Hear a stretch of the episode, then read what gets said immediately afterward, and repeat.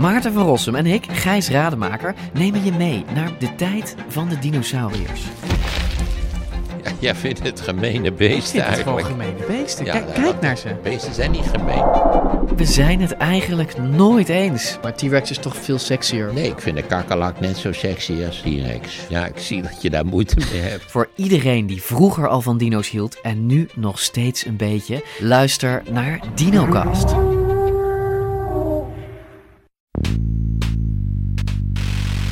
En als het gaat om de positie van het CDA, dan zeg ik, eh na alles wat wij hebben meegemaakt eind september, begin oktober, vind ik dit een mooie start. Er is nog veel te doen. Het wordt een hele interessante, boeiende campagne. Zeker, maar u, Harde had, campagne. u heeft ook steeds kritiek gehad, een paar, zeker de laatste weken. Dat ook zo. Dat heeft Fortuyn ook gedaan. Wat doet hij beter dan u? Ik weet niet of het, of het zo zou moeten, eh, moeten stellen. Ik denk dat wat op het ogenblik eh, zich voordoet in de Nederlandse samenleving... dat is kritiek op beleid, maar ook eh, een zekere weerzin tegen wat er in Den Haag gebeurt. Dat vindt een uitlaatklep, denk ik nu, in een proteststem... eh, voor Leven Nederland of voor de lijst Fortuyn. Alleen, de vraag is niet alleen, eh, gaat het om de onvrede... het gaat ook om de vraag, heb je een geloofwaardig alternatief? Heb je een doortimmerde visie? Gaan we heb je voorstellen? Ja. U claimt succes. Ja. En dat succes is niet terecht. Ik, ik, begrijp, ik begrijp niet waarom u hier zo negatief en vervelend over doet. We laten we blij zijn met elkaar. Voorzitter, ik zal het u optimistisch precies uitleggen. Laten we zeggen, Nederland kan het weer. Die VOC-mentaliteit. Over grenzen heen kijken. Dynamiek. Toch? De uitslag van deze verkiezingen is zeer, zeer teleurstellend. Deze verkiezingsuitslag noopt ook tot het nemen van politieke verantwoordelijkheid.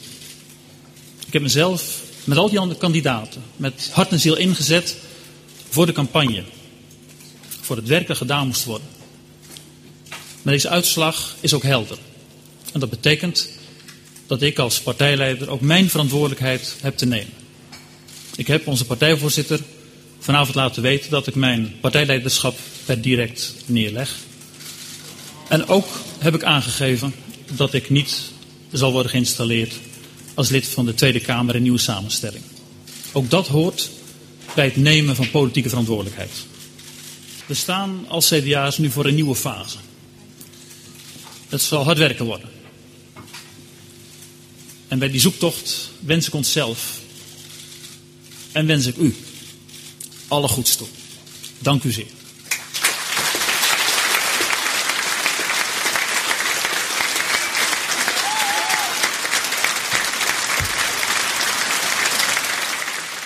Wat een geweldige avond. Juich maar even. Na een geweldige campagne hoort het CDA vanavond bij de grote winnaars van de verkiezingen.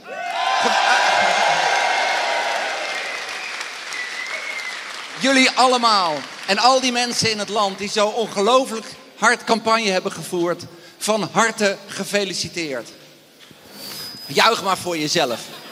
Nee, nee, nee. Beste CDA'ers, wat ben ik ongelooflijk trots op jullie. Wat ben ik ontzettend dankbaar voor de campagne die we hebben gevoerd. Vier vanavond feest, want jullie hebben het verdiend. Dankjewel. Beste leden, dan nu het moment suprême. Wie wordt de nieuwe leider van het CDA? Laten we gaan kijken.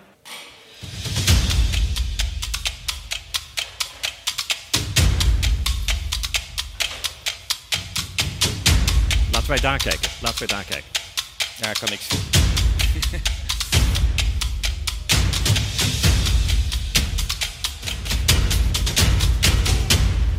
Hugo de Jonge.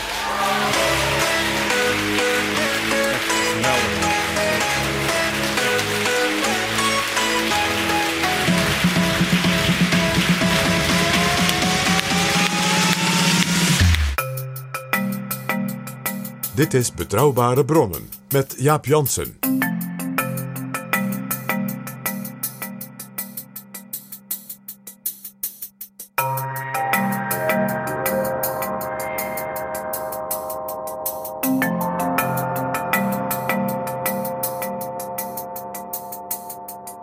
Hallo, welkom in Betrouwbare Bronnen, aflevering 153.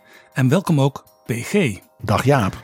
PG, dit is een bijzondere aflevering, want we gaan het hebben over jouw nieuwe boek. Deel 2 van het magnum opus over de geschiedenis van het CDA. Deel 1 was De Rogger staat er dun bij, verschenen in 1998, ruim 20 jaar geleden dus. Je schreef dat met Jaap Stam. En dat boek vestigde jouw naam als CDA-watcher. We gaan ons graag laven aan jouw kennis en inzicht over die toch wat merkwaardige partij die volgens jou ook heel vaak misbegrepen wordt. Sterker, zelfs in de top van die partij wordt soms misverstand op misverstand gestapeld. Dat is mij na het lezen van die ruim 500 bladzijden wel duidelijk. Een extra warm welkom deze keer, PG. Jaap Jansen en Pieter Gerrit Kroeger duiken in de politieke geschiedenis. PG, het boek heet Tand destijds. Van waar die titel? Met als ondertitel Het CDA in de nieuwe eeuw. Het is dus inderdaad een vervolg op dat eerder boek dat dus in 98 ongeveer ja, zegt van nou we zijn nu in deze tijd en hè, wat zal er gaan gebeuren. En een tand destijds die knaagt. Die knaagt. En hoe ben ik aan die titel gekomen Jaap? Dat is een verspreking. Een verspreking? Ja, Sibrand Buma die presenteerde het regeerakkoord van het kabinet Rutte 3. Waarbij hij het CDA na jaren ja, van diepe dal terug had gebracht in een regeringscoalitie hè, met ministers en alles. Dat is natuurlijk voor een partijleider, nadat je een grote nederlaag hebt geleden en je hebt weer, teruggewonnen, natuurlijk een bijzonder moment. Dus hij ging naar de achterban van het CDA om dat te presenteren. En dat deed hij in Leiden. Dus in de universiteitsstad. Niet in Tubbergen of in Valkenburg aan de Geel, Geul, in de regio, ergens in Brabant. Nee, in Leiden. In Grand Café de Burgt. En daar zei hij dat dat regeerakkoord en de positie van het CDA nu liet zien dat het CDA als het ware zijn positie in de Nederlandse politiek en ook in de Nederlandse samenleving als het ware aan het herwinnen was. En toen wilde hij zeggen dat het CDA de geest van de tijd beter had begrepen dan anderen misschien. Of de tekenen destijds beter had begrepen. En hij zei de tand destijds beter had begrepen. En op dat moment is dat, dat natuurlijk een prachtige uitdrukking. Op dat moment had ik de titel van het boek, wat ik op dat moment aan het ontwerpen was, voor het idee van, nou, twintig jaar na de Rogge, hè, zoals dat boek vaak wordt genoemd. De tijd lijkt wel rijp, want we hebben nu weer twee decennia met ja, ongekende toppen en ongekende dalen meegemaakt. En nu is die partij dus weer terug zeg maar, in het centrum. En probeert zichzelf ook weer ja, te pakken. Zowel inhoudelijk als met nieuwe mensen. Hè. Dat kabinet trad aan met een Hugo de Jonge, een Wopke Hoekstra, uh, Vert Garperhaus. Nieuwe gezichten voor Nederland zeker. En toen dacht ik, het moment komt dus dichterbij voor dat tweede deel. En ja, dan denk je, hoe kom ik dan aan weer zo'n titel als De Rogge staat daar dun bij. Die prachtige boerenuitdrukking van Jan de Koning. Ja, want dat was een uitdrukking die hij uh, in de landbouwsector goed kon gebruiken. Dan was hij op bezoek uh, op een, uh, een akkerbouwbedrijf of, of, of, iets dergelijks. En dan zei hij, de Rogge staat er goed bij, maar wat dun. Want dat betekende, de oogst wordt waarschijnlijk goed. Want rogge schijnt als eigenschap, dat heb ik als stadsjongen natuurlijk geleerd van de leerlingen van Jan de Koning. Rogge wordt altijd heel iel. En dan ineens komen die aren en die worden dik en mooi. En dit, want als de rogge er dus dun bij staat, dan moet je geduld hebben. Op zo'n boerenbedrijf waren ze dan zeer ingenomen met de koning. Want hij was dan wel van zeg maar, de schrijvende en denkende klasse die voor hun opkwam. Maar hij wist wel precies hoe het werkte op het boerenbedrijf. Jan de Koning was natuurlijk fameus om zijn vele uitdrukkingen uit land en tuin. Ja, je noemde net al vele pieken en dalen van het CDA. Historisch gezien was het CDA altijd de grootste of de na grootste partij in Nederland bij verkiezingen sinds, sinds de oprichting eigenlijk. Hè? Behalve in de periode na Lubbers. Toen viel het CDA ineens omlaag. Het tuimelde van 54 naar 34 zetels, naar 29 zetels. Mag ik daar een opmerking bij maken, Jaap? Mark Rutte zou nu tekenen voor die 34 zetels. En Pieter Heerma als fractieleider van het CDA en Hugo de Jonge als lijsttrekker zou tekenen voor die 29 zetels die de hoop Scheffer in 98 haalde en die dus toen een diepe, diepe nederlaag leken. Zo zie je maar dat het politieke landschap ook heel erg veranderd is in die tijd. Maar toch, onder Balkenende uh, ging het CDA weer naar 43 zetels, 44 zetels, 41 zetels. En aan het eind van Balkenende tuimelde het CDA dieper dan het ooit getuimeld was. Naar 21 zetels en daarna nog een keer naar 13. En op dit moment hebben ze 19 zetels. En dit noem ik allemaal even om te laten zien dat er uh, ja, met die partij dus heel veel gebeurd is. Al was het alleen maar in electoraal opzicht. En jij kijkt in het boek ook heel erg naar de electorale onderstromen. Uh, hoe komt dat? Waar zijn die stemmen naartoe gegaan? En als het weer goed ging, waar kwamen de stemmen vandaan? Ik ben heel erg van de cijfers en van de feiten en cijfers. Beweringen meningen. Uh, het, schijnt zo te zijn dat, is er genoeg. Maar het echt analyseren van wat burgers op zo'n verkiezingsdag echt doen. Heel simpel, Jaap. Of ze die ochtend hun bed uitkomen en zeggen: Ik ga naar die stembus. Er is altijd zo'n 20, 25, soms 30 procent die het niet doet. Ook daar dus, dat zijn dus niet elke verkiezing dezelfde mensen.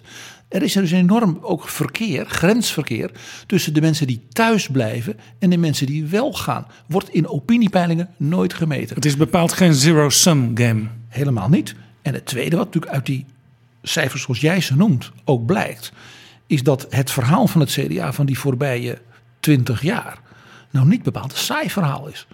He, periodes van in de veertig uh, meer dan Mark Rutte ooit had.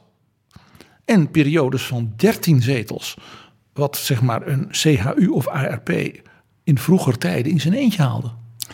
Als ik naar de kaft van het boek kijk, Tand destijds, dan zie ik Balkenende en Buma in een ja, beetje scary groen licht. Het is een nogal donkere foto.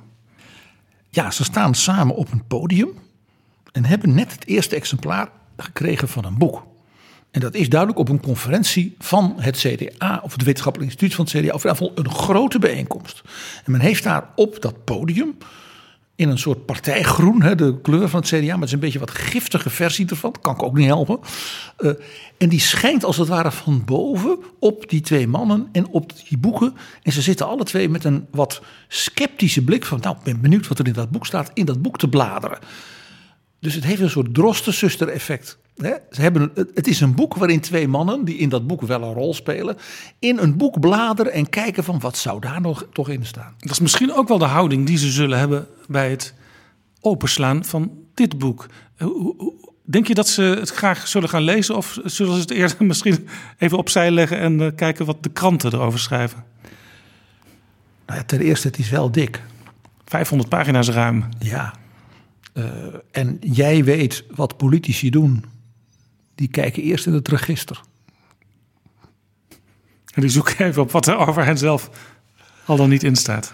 Dus ik ga ervan uit dat, uh, en hoop ook dat velen, velen ver buiten het CDA en zelfs zeker ook daarbinnen, uh, ja, met veel belangstelling en ook met reflectie het boek zullen lezen. Bijvoorbeeld dus wat jij aanstipte, de vrij nou ja, grondige, ook cijfermatige analyses van wat er nou echt gebeurd is.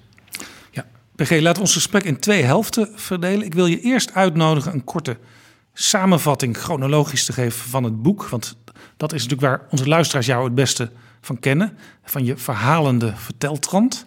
En daarna wil ik gebruik maken van je tweede kwaliteit. Ja, ik zit je nogal te loven, maar goed, dat mag dan een keertje. Eén keer mag het. Ja, daarna mag je weer allemaal mag je mopperen over mijn operafragmenten en wat al niet. Ja, ik wil dus ook gebruik maken in het tweede deel van je opinierende rol en nader ingaan op een aantal aspecten uit de weerdegang van het CDA en de vraag, tot slot, waar het CDA nu voor staat. Wat is het perspectief nu en dat voor die partijen? Dat perspectief, daar ga ik graag op in. Maar altijd dus vanuit die historische ontwikkeling, hè, die zelfs al hè, nog, nog eerder hè, in de Rogge aan de orde is en die in dit boek als het ware voortgezet wordt. Uh, hè, dus ik ga niet de profeet uh, spelen uh, die brood eet. Nee, nee, maar wat me wel opvalt in je boek is dat het een historisch verhaal is, maar ook wel een beetje een opinierend verhaal. Want je eigen belevenissen, maar soms ook je opvattingen klinken er wel in door. Ja, want uh, ik ben niet van de, de, de, de fictie van de soort objectieve uh, gedachte. Je kijkt naar ontwikkelingen. Je onthult ontwikkelingen. Onthult dingen die anderen niet weten, dan wel die verborgen waren. Of die achteraf van grote betekenis blijken. Terwijl op dat moment bijna niemand zag dat dat gesprek, die ontmoeting, die publicatie enorme impact zou hebben. En dat kan niet anders dan dat je dat doet, omdat je vanuit een bepaalde manier van denken naar de werkelijkheid kijkt. Ja, ook naar de historische. Klein voorbeeld daarvan. Mensen die pas de laatste jaren echt Pieter Omtzigt zijn gaan zien in de politiek, die zien in het boek dat hij eigenlijk al heel lang op cruciale momenten ergens in de buurt van de macht aanwezig was. Ja, en dat komt omdat ik dus Pieter Omzicht al ken vanuit 2003. Uh, en in, ja, zeg maar, mijn aantekeningen en de gesprekken die ik met mensen heb gevoerd, waar dit boek natuurlijk een belangrijke mate op voortbouwt. Ik heb dat heel bewust, ook heel gedegen, altijd gedaan. Uh, de persoon Omtzigt als toen jonge, briljante wetenschapper, een geweldige rekenmeester. Nou, men zegt dan nu, vertellen ze ons iets nieuws. Hè. Dus al, al meteen dus een interessante, wat aparte figuur was. Een beetje ongebruikelijk type, ook in de Haagse politiek. Zo'n superbeta. Met een enorm internationaal ja, netwerk uh, in de wetenschap. Maar ook in dat hij weet wat er in andere landen speelt. En daar vaak ook, hij heeft, hij heeft er gepromoveerd, heeft er les gegeven en wat dan niet. Daarmee was hij dus vanaf dag nul een hele interessante figuur. En ik kon op dat moment, de eerste, dat ik hem de eerste keer over Pieter Omtzigt iets noteerde, of een gesprek met hem, uh, hè, dat ik daar aantekeningen over maakte, natuurlijk niet weten dat vandaag Jaap, jij en ik, voor een, iets als een podcast, wat toen 20 jaar geleden of 70 jaar geleden ook niet bestond, het nog steeds over hem zouden hebben. Dat is natuurlijk het interessante van geschiedschrijving. Dat je, je kijkt vanuit later naar eerder. En de kunst is daarbij, ook voor de lezer, is dat je dus niet schrijft of analyseert vanuit het idee, maar ik weet hoe het afloopt. Het is geen detective. Het vorige boek eindigde in de paarse periode. Het CDA zat in de oppositie en zocht zijn rol, maar vond die niet. Ja. ja Hoe wat, ging het verder? Kijk, wat er gebeurde na het vertrek van Lubbers en de grote nederlaag. Eerst van Elko Brinkman, die dus nog werd vervolgd door een tweede tik omlaag onder Jaap de Hoop Scheffer. Was dat het CDA op een bepaalde manier overbodig was geworden. Iedereen in de Nederlandse politiek en ook misschien wel in de Europese politiek was een beetje CDA geworden. De polarisatie van de jaren 70. Links tegen rechts, een soort tweedeling in de samenleving. Den Uil tegen Wiegel. Ook het idee van we gaan een soort twee-partijensysteem krijgen met een progressieve volkspartij. Waar bijvoorbeeld een man als Van Mierlo ook zo voor was. Je schrijft in het boek. Dat was volkomen mislukt. De periode Lubbers had als het ware laten zien dat dat volkomen niet werkte.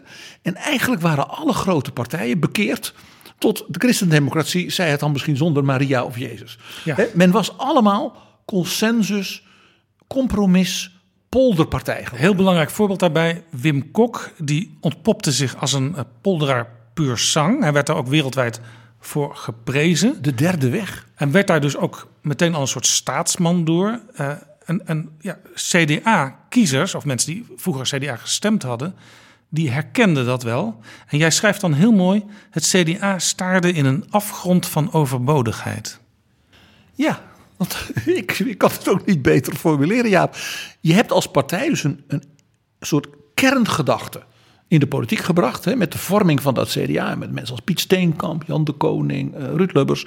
Van samenwerken, consensus, elkaar opzoeken, elkaar wat gunnen. In moeilijke tijden de handen ineens slaan, dat soort dingen. En al die polariseerders die dat allemaal onzin vonden, die zijn ineens allemaal daartoe bekeerd. En gaan dat ook doen. Dus Bolkestein ging regeren met Kok. Dus de twee grote ideologische vijanden, socialisten en liberalen, gingen een paars kabinet vormen. En het CDA kon eigenlijk op een enkel dingetje hier en daar, maar alleen maar voor de dingen zijn die dat kabinet heel gematigd, verstandig, heel pro-Europees ook, hè, Wim Kok, uh, allemaal deed. En Wim Kok was ook door de persoonlijkheid veel meer een soort patriarch, vader des vaderlands type, dan de ondernemer en de dynamische slimme Ruud Lubbers altijd was geweest. Dus zelfs die wat zeg maar vaderlijke kant van een man als Jan de Koning, ja, die zat ook nog een beetje in Wim Kok. Dus het CDA was, had getriomfeerd ideologisch. Want iedereen was nu van die opvatting. En daarmee zichzelf een beetje kwijt. Ja, en de, de, de, de, de fractieleiders opeenvolgend in de Tweede Kamer... Elko Brinkman, Eneas Heerma, Jaap de Hoop Scheffer... die hadden dus moeite dat CDA-woord te vertolken. Want ze wisten eigenlijk niet meer wat de tand destijds voor het CDA betekende. Nou ja, er speelde nog iets. Het CDA had in die periode, zeg maar, de antipolarisatieperiode, ook altijd uitgestraald. Je zult toch het land in goede handen moeten geven. Polariseren is mooi, maar dat doet u ook niet op het schoolplein van uw kinderen. En als het even kan, ook niet met uw buren. Waarom dan wel in de publieke sfeer? Waarom dan wel met, met het vaderland? Dus geef het land in goede handen. Stabiliteit, gedegenheid, uh, geen malle fratsen. Om maar zo te zeggen. En wat ging dat CDA doen? Nou, het fratste en fratste en fratste. Ja, ik bedoel, Brinkman die door Lubbers onderuit werd gehaald.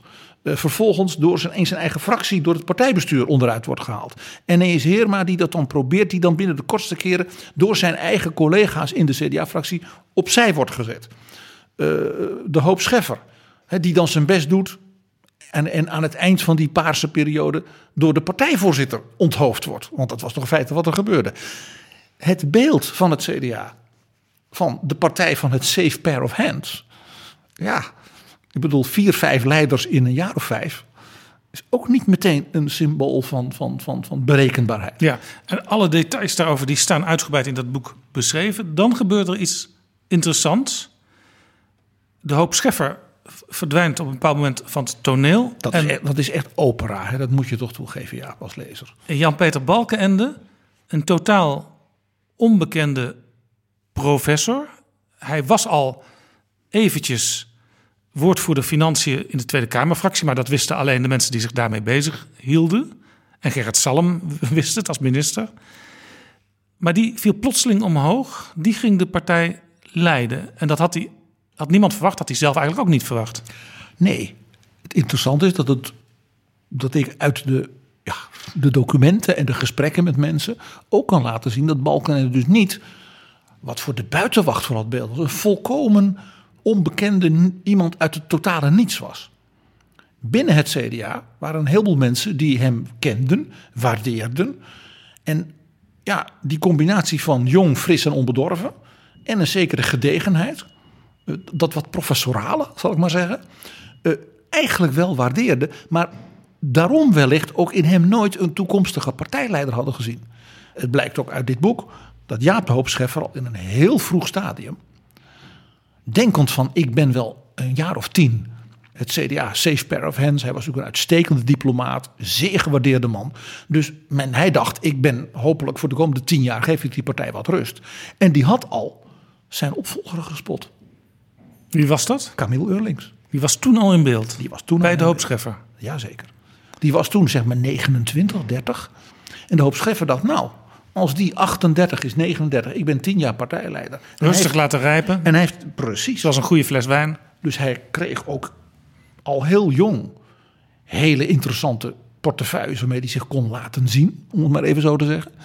En doordat ja, de hoop Scheffer dus niet tien jaar of zoiets de partijleider van het CDA was, maar door de partijvoorzitter op de ochtend van 11 september 2001. Het is echt 9-11. Het is opera-drama. Voor de hele wereld een zeer belangrijke dag en nog elke dag dominant in wat we aan het doen zijn in de, wereldpolitiek. En die ochtend was de vergadering waar die twee mannen dus ja, de confrontatie aangingen. En die middag om drie uur ja, schoten die vliegtuigen in die torens. Het, je kunt het bijna niet bedenken. En dan de, de, dagen daarop was dus de ondergang van de hoop Scheffer. Terwijl de hele wereld ja, in schok was en ook eigenlijk ja, in oorlog. Men voelde er komen nu verschrikkelijke dingen aan. Afghanistan, Irak, wat we ook kregen. En op dat moment ging het CDA ja, een soort harakiri plegen. Het ironische is ook dat juist de hoop Scheffer toen eigenlijk van het toneel verdween. Terwijl hij altijd de buitenlandwoordvoerder was geweest. En wie was er nou harder nodig op zo'n moment dan iemand die alles wist van de internationale politiek? Bleek later ook wel, want hij werd secretaris-generaal van de NAVO. Ja, hij werd uh, in dus zijn vak internationaal hoog gewaardeerd. En dat bleek ook dus toen Balkenende, hè, we lopen nu op de geschiedenis een beetje vooruit, tot ieders verrassing, dat mag je toch wel zeggen, ook de zijne, minister-president werd, maakte Jan-Peter Balkenende Jaap de Hoop Scheffer zijn minister van Buitenlandse Zaken. Dat is natuurlijk vanuit de, zeg maar, de kwaliteiten van de man niet zo vreemd. Maar was natuurlijk ook als gebaar naar zijn, zijn baas. Ja. De, de Hoop Scheffer was zijn baas geweest en was dus op de meest verschrikkelijke manier. Ja, in eigen kring, ook nog door eigen mensen, ja, de nek omgedraaid. Uh, ik beschrijf in het boek ook dat de fractievergadering waarin men dus geconfronteerd werd, de leden van die fractie, met het feit dat het partijbestuur dit met hun Jaap had gedaan. Dat dat een groot drama was, dat daar dus huilbuien van mensen zijn geweest. En dat het wat oudere, wat zwaarder protestante uh, Kamerlid Jacob Reitsma toen namens de collega's uh, ja, dus woorden heeft gesproken van respect voor de voorzitter, waarbij iedereen zei: Jacob kon op zijn manier verwoorden wat wij allemaal voelden aan rauwe emotie. Nou, dat zegt iets. Dus dat uh, Balkenende toen zei: Ik maak Jaap de Hoop Scheffer, minister van Buitenlandse Zaken. Dat maakte meteen dus dat men in die internationale wereld zag: dat is wel een hele goede vent. En het was dus Colin Powell, de Amerikaanse minister van Buitenlandse Zaken, toen die zei: Ja, we moeten een secretaris-generaal van de NATO hebben. Ja, een man met die ervaring, hij spreekt zijn talen, uh, dit en dat. En dit is Colin Powell, die als daar met het idee is gekomen bij president Bush. He, dus die fameuze scène van Balkenende en de hoop Scheffer op het Witte Huis is dus heel anders geweest dan er hier in Nederland van gemaakt werd. Yeah, Donald. Sure is. How are you, friend? Nice to see you. Good to see you. Welcome. Well, it's good to be here. Okay. Welcome, Foreign Minister. Morning. President. See you, Minister. How you doing? Very fine, thank you, sir. Good, welcome. Ambassador. Ambassador. Thanks for coming. Come on, you know our ambassador there? Hi, Greg. How are you? Good morning. You know the Vice President? Said yesterday. How are you? Nice to see you again. Mr. Vice President. Morning, Prime Minister. How are you? So nice to see you? you. Pleasure. Nice. Hello, y'all. Morning, Billy. It's such an honor for me to welcome you in the Oval Office. Uh, you have been a steadfast friend in the war on terror. I, I believe uh, that you're proving that you're really one of the uh, leaders of Europe. And for that, we're grateful. We look forward to having good relations with Europe. And uh, I look forward to working with you personally to make the world more free. And I'm honored that you paid us this visit. And thank you for coming. Thank you very much. Appreciate this contact, and uh, I think we'll have a fruitful discussion and we uh, will cooperate. And thanks for the good contacts. Glad to be here. Yes, sir. De president had al met Powell gezegd van die, neem die de hoop Scheffer maar mee, want ik wil met die man praten. Ja, en Balkenende, toen hij nog in de schaduw stond, was eigenlijk de ultieme adviseur. Hij had het, het denken van het CDA jarenlang ook bij het Wetenschappelijk Instituut doordacht. Hij kende dus de theorie van binnen en van buiten. Sterker nog, hij had die theorie mede zelf vormgegeven. En, en was een van de mensen met Ab Klink en, en, en, en, en Arie Oostlander en uh, uh, Jos van Gennep, dat was de baas van Wetenschappelijk Instituut in die jaren, die als het ware een zekere vernieuwing in dat denken in die paarse periode ook probeerde tot stand te brengen. Want ja, blijven roepen in de tijd van Lubbers ging het toch zo goed met Nederland. Uh, ja, dat begon natuurlijk langzamerhand verleden te worden. Ja, hij mocht het dus nu zelf gaan doen. Vaak uh, werkt dat niet zo goed. Hè? Een adviseur kan vaak, blijkt achteraf, maar beter adviseur blijven in plaats van uh, zelf het gaan uitvoeren. Is ook een vak, hè? Maar in die tijd, uh, zeg maar de, de, eindfase van Paars, gebeurde er nog iets anders. Pim Fortuyn kwam ook op het toneel. Maar wezenlijk is 9-11. En dankzij 9-11 kreeg Pim Fortuyn op een bepaald moment ook vleugels. Ja, Pim Fortuyn had zich in de jaren daarvoor uh, uh, als ja, columnist, hè, laat ik het zo zeggen, uh, gepresenteerd, hield praatjes in het land. Hè, daar verdiende hij een boterham mee, was populair bij Barend en Van Dorp en dat soort programma's. En Pim Fortuyn was thuisloos, om maar zo te zeggen. Hij was communist geweest, was P van de A geweest. Eerst linkervleugel, toen wat minder linkervleugel. Ja, altijd ook op zoek naar rollen in die Partij van de Arbeid-omgeving, die hij vaak niet kreeg. En die kreeg hij niet. Uh, hij is dus altijd een zoekende geweest, kun je eigenlijk zeggen. En zo vond hij ergens halverwege de jaren negentig ineens het CDA interessant.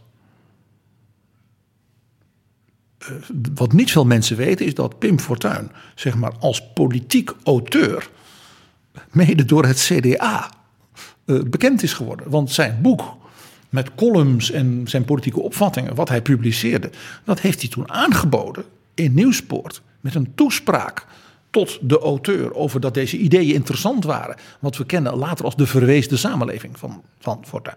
Ja, dat, dat was het vervolg daarop. En dat was niemand minder dan Eneas Heerma, de fractieleider van het CDA. En die zat dus toen in de oppositie tegenover Paars. En misschien nog wel een leuke detail is: de speech van Heerma is geschreven door een fractieassistent. En die heette Sibrand van Haarsma Buma. Ja. En dat is het mooie ook. Ja, ik maak toch een beetje reclame. Je, ik, je, ik gun het je, PG, voor het boek. Dit soort details, daar staat het vol mee. En dat zijn ook vaak dingen die nog nooit ergens eerder op die manier beschreven zijn. Ja, dat doet mij deugd. Want uh, daarom werk je er ook jaren aan. Dat je echt heel diep, uh, ja, ook in de stukken, in de gesprekken. En dat je ook dat soort details ziet. Op dat moment was het feit dat dat klusje door die medewerker juridische zaken van de fractie, die dacht: ik maak even een speech voor Eneas. Achteraf, dat is wat ik eerder zei. Hè, de geschiedenis moet je altijd schrijven vanuit het idee: men kon niet weten wat er toen gebeurde.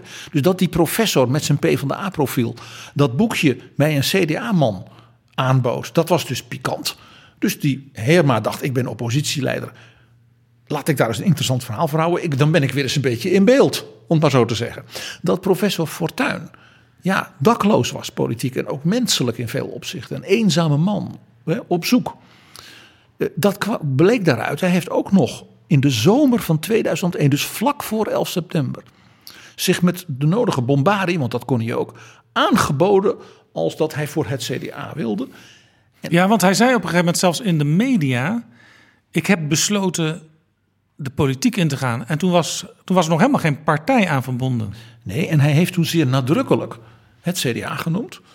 Uh, en vond ook eigenlijk dat hij met zijn profiel, en hij was toch wat anders dan anders, voor dat CDA dat nu acht jaar in de oppositie zat en ja, nou niet zo, niet zo heel veel uh, deuken in een pakje boter schoot met die buitengewoon brave en keurige de hoop Scheffer. Hij zou het misschien wel moeten doen. En ja, ik heb de indruk, ik heb dat, kan dat niet bewijzen, maar gelet op de mensen met wie hij sprak in het CDA, uh, dat Fortuyn had opgesnoven dat de kans dat de hoop Scheffer ten val gebracht zou worden en dus geen lijsttrekker zou worden, dat die aanzienlijk was. En hij dacht, misschien spring ik wel in dat gat. Op een gegeven moment was Hans Hille in gesprek met Fortuyn. Hij heeft Hans Hille later verteld. Hans Hille had af en toe een kopje koffie met hem en heeft op die manier ook een keer geregeld, twee keer, drie keer, dat ook de hoop Scheffer dus met deze interessante professor contact had. En Hans Hille... Daar moet je je dus niet te veel van voorstellen. Hans Hille zei tegen... Want dat soort koffiegesprekken voeren partijleiders met heel veel mensen. Want dat is gewoon, je oriënteert je. Er is misschien een interessante gedachte. Misschien dat je zo iemand een keer kunt aanbevelen voor een commissie. Je moet je daar dus niet te veel van voorstellen.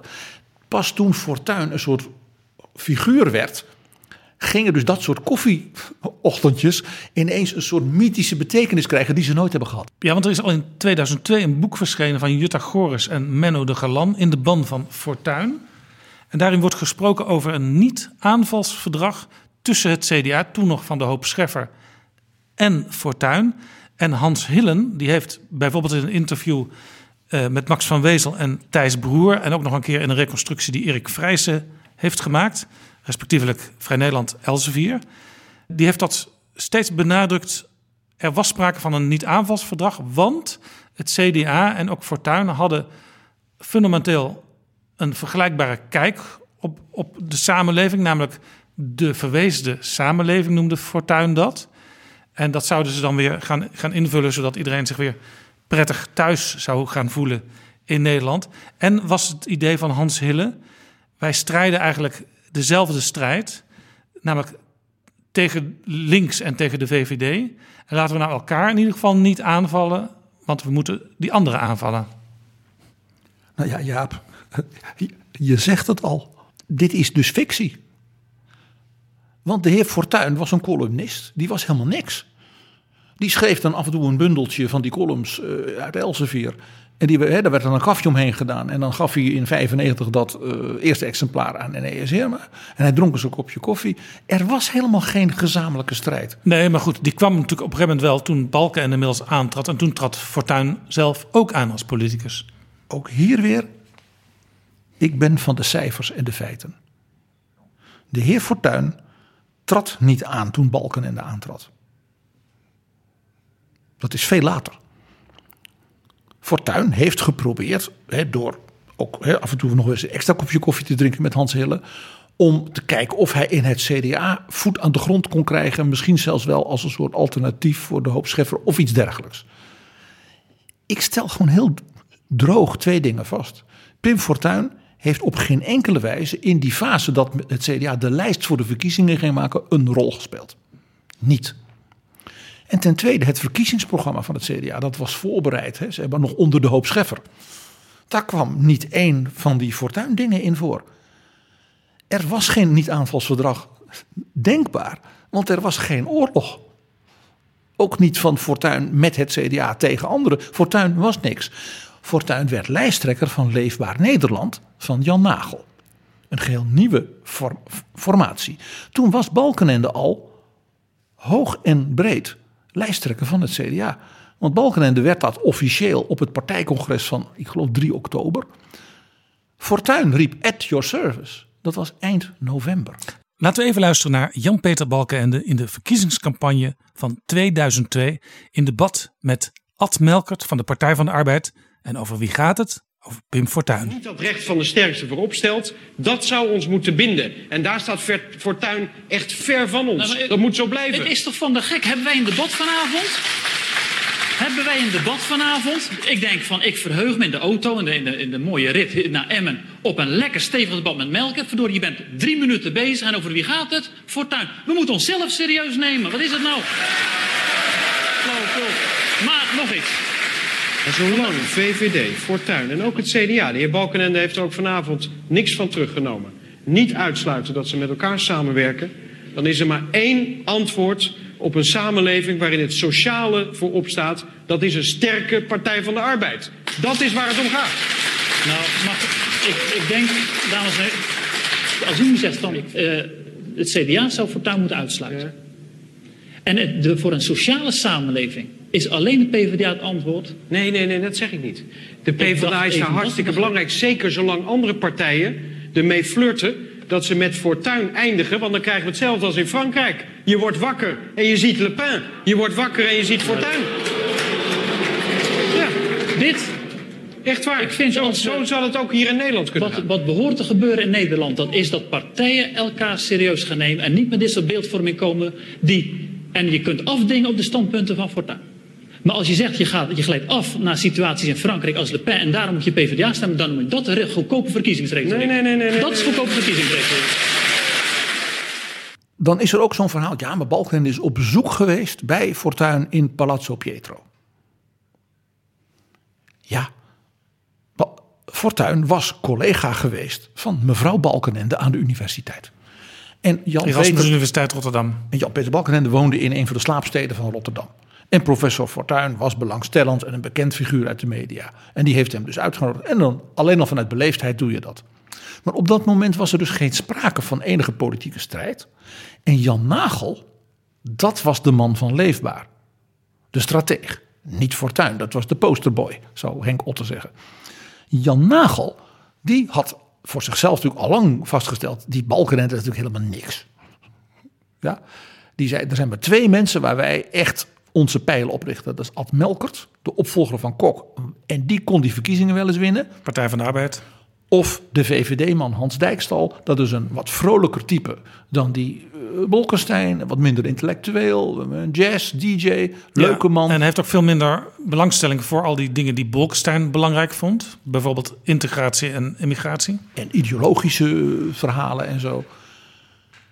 Dus Jan Nagel die zei dat CDA, dat is toch weg. Die hebben die, de hoop Scheffer vermoord. Die partij eh, heeft zelfmoord gepleegd. Kortom, de lepen Jan Nagel die zag wel een, een electoraal gat verschijnen. Dat zag iedereen op dat moment. Of dat er was, wist je niet.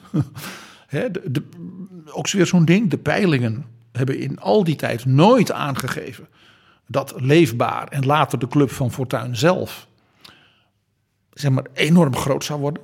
Dat is ook allemaal mythe. Nee, Fortuyn zei, ik word minister-president, maar de peilingen die ondersteunden dat op dat moment niet. Hij zei dat op het moment dat hij uit Leefbaar gegooid werd en de lijsttrekker af was. Dat is iedereen vergeten, denk ik wel eens. Dus het idee dat er een soort strategisch briljante samenzwering was tussen Balkenende en Fortuyn om zeg maar, die paarse partijen te, te overwinnen. Dat is onzin. De tijd was, het was dus niet een moment ervoor. En ik heb natuurlijk nog een tweede ding wat ik in het boek laat zien.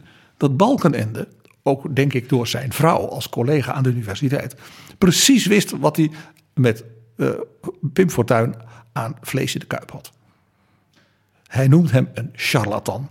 En hij voert dan in begin, ergens in januari, een debat bij het MKB over de toekomst van de economie en de sociale zekerheid. En op dat moment is Fortuyn nog de lijsttrekker van Leefbaar Nederland. En hij maakt hem volledig af. Dat is geen niet-aanvalsverdrag met een charlatan. En toen gebeurde er iets opmerkelijks. De media die waren heel erg op Fortuyn en zijn partij uh, gefocust.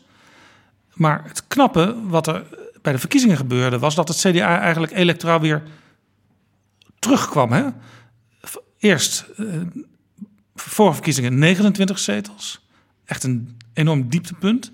En nu onder die nieuwe leiding van Balkenende 43 zetels. En daarna, bij de verkiezingen die vlak daarna opnieuw kwamen, 44 zetels. Ja, dus eigenlijk de stabilisering vond meteen ook plaats. Nou nee, dat was geen stabilisering. Dat was natuurlijk het niet van, nou ja, men had 29 en het gaat nu ietsje beter dus we zitten net onder wat die Brinkman had met 34 of 31 of zo. Nee, het was een kwantumsprong. In een periode waarbij iedereen had En die beklijfde toen vervolgens. Onthoud dat men in die paarse periode wist iedereen zeker, alle pundits, dat christelijke gedoe, dat CDA... Is nu echt helemaal voorbij. Is weg. Wat in de jaren 70 al vanuit uh, liberale en sociaal-democratische hoek uh, voorspeld werd, maar wat niet uitkwam met Lubbers gebeurde nu alsnog, was het idee. En ook toen ging het niet door. En dit is een vast patroon, dat ik in, wat, wat voor de lezers van het boek hoop ik herkenbaar is. Er gebeurt altijd precies niet met het CDA wat alle pundits en alle kenners voorspellen. Hoe verklaar jij dat succes van Balkenende zo plotseling? Uh, dat heeft allereerst natuurlijk te maken met 9-11. De wereld schudde op zijn grondvesten. Er komt nog iets bij. Ook hier weer, je moet teruggaan naar toen. Men wist op dat moment niet wat er daarna zou gebeuren. In december 2001 viel de Verenigde Staten met president Bush Afghanistan binnen en verslaat, verjaagt die Taliban en Osama bin Laden in nou, dagen. Een verpletterende, niemand had dat verwacht soort militaire ja, uh, triomf. En ook duidelijk was dat die Osama bin Laden, die zou ergens, nou ja, tussen kerst en oud nieuw in januari, weet je wel, in die grotten in Tora Bora wel gevonden worden. Dat was wat, waar iedereen van uitging. Dus de wereld was op zijn grondvesten geschud. En men had het gevoel, misschien is het toch niet zo heel erg als gedacht. Ook was duidelijk dat dus de paarse partijen helemaal uitgeregeerd waren. Ja, dus, dus zeg maar het idee van stabiliteit, dus wij blijven bij wat we hebben, dat was niet meer aan de orde. Nee. Zou Wim Kok op dat moment voor, de derde, voor, voor, een, voor een derde kabinet Kok zijn gegaan, als lijsttrekker van de Partij van de Arbeid, had hij zonder enige twijfel die verkiezingen met afstand gewonnen. Toch vanuit het idee het vertrouwde. En iemand die ook internationaal ja, het safe pair of hands wat ik eerder zei. Ja, maar niet de mensen die nu klaar stonden aan de ene kant Dijkstal en aan de andere kant Melkert. Ja. En laten we er nu omheen draaien. Ook uit de peilingen bleek, anders dan de mythe, dat ook Fortuin niet werd beschouwd als een serieuze kandidaat voor het premierschap. Als werd gevraagd wie moet de premier worden, dan hebben we dus over zeg maar januari, februari 2002. Dan zei 40% van de kiezers geen idee. Dan was het zeg maar 20% zei, nou ja, die Melkert. En dan Balkenende ook 20 en Dijkstal zeg maar 16 en Fortuin 3.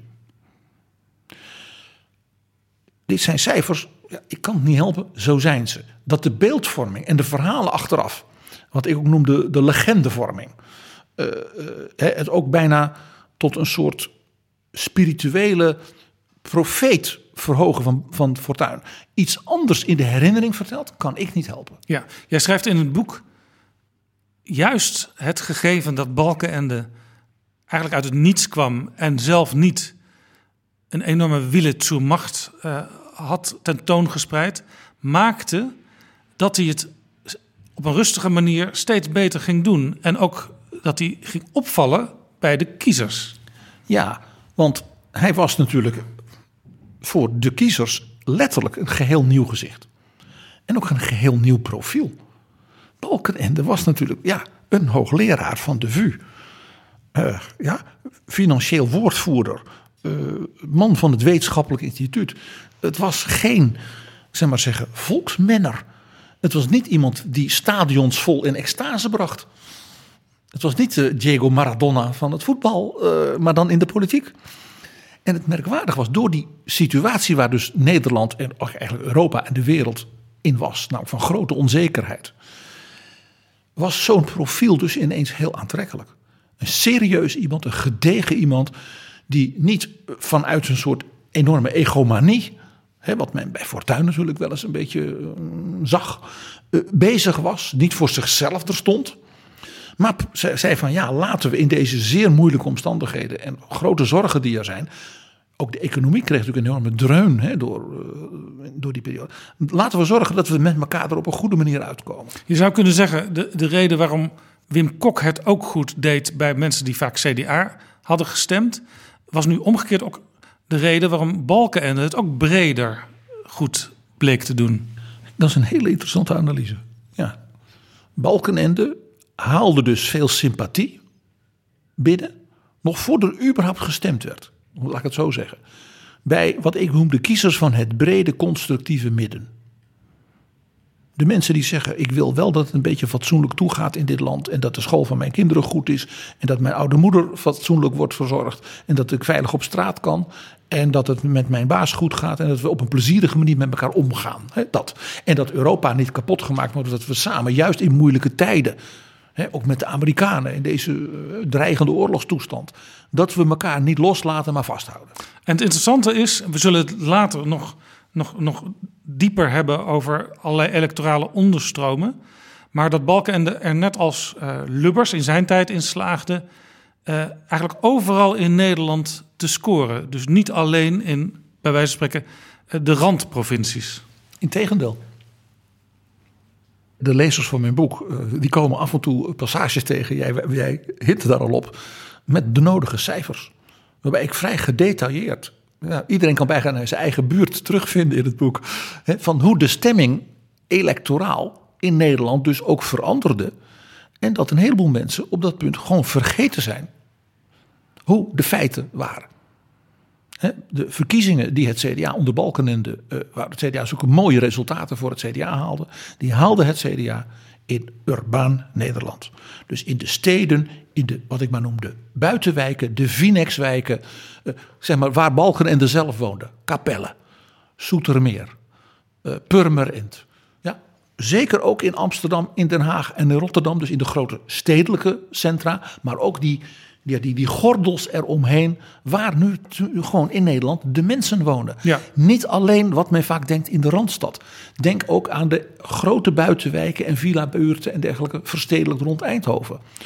Denk Arnhem, Nijmegen. Denk Groningen. Eigenlijk... Dat zijn allemaal honderdduizenden inwoners en centra. En die zijn ook verstedelijkt. Dat is niet ruraal platteland. Nee, eigenlijk dezelfde plaatsen waar ook als in de loop van de, van de decennia de VVD ineens scoorde en eh, als de Partij van de Arbeid ineens scoorde, dan was dat ook altijd in, op die plekken. Maar ja, dat is natuurlijk ook niet zo vreemd. Want verkiezingen win je waar mensen wonen.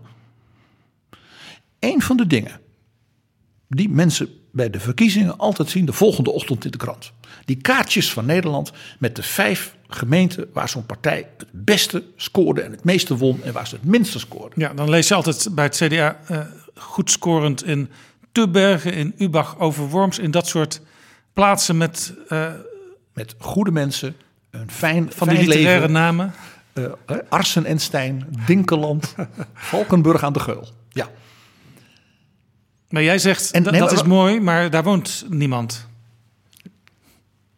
Dus dat zijn gemeenten waar het CDA het goed doet. En halen ze soms wel de helft van de stemmen. Het is toch magnifiek. En voor de mensen daar, de campagnemensen die daar dus hebben gelopen met folders. Die zijn apetrots. Compliment. En dan zie je de vijf minste gemeenten. Daar het CDA helemaal niks. Daar zit dus altijd bij Amsterdam, Oostzaan, de stad Groningen. Maar onder Balkenende ging het CDA in Amsterdam naar 10 procent. En dat is natuurlijk niet veel. Maar dat waren wel 40.000 stemmen meer. En dan denk je, dan zeg jij, PG, dat is al een hele kamerzetel. Ja. Dus dat je in die steden niet zoals in Dinkeland de helft van de stemmen haalt. Maar je aantal stemmen, zoals in Almere, meer dan verdriedubbelt. En dan heb je het dus over een stad ja, eh, met heel veel inwoners die men misschien niet zo gauw in beeld heeft. Ja, en de En fout- dat geldt ook voor Soetermeer, dat geldt voor dat soort gemeenten. En in jouw boek lees ik dat de fout die CDA-campagnemensen eh meermaals gemaakt hebben is... wij gaan eigenlijk, wij hoeven niet campagne te voeren in die hele grote steden... want daar valt voor ons toch niks te halen. Maar jij zegt, niks te halen, daar haal je kamerzetels. Nou ja, daar wonen mensen. Ja, het klinkt misschien een beetje plat hoor. Maar je kunt beter in Amsterdam als CDA van de huidige 2% naar 6% in Amsterdam gaan. Dan in Dinkeland van 45 naar 50. Het CDA heeft in Amsterdam, eh, eh, eh, laten we zeggen, zijn er wijken waar het CDA veel kleiner was bij de laatste Kamerverkiezingen dan Denk. Maar in die wijken wonen weer meer mensen dan in hele delen van provincies waar het CDA van zegt, daar zijn wij sterk. Hoe zorgde Balkenende ervoor dat hij het CDA eh, zo'n profiel gaf... dat ook de wat modernere burgers, waar je het nu over hebt... bereid waren op hem te stemmen? Nog los van de vraag of die mensen nou zo modern zijn.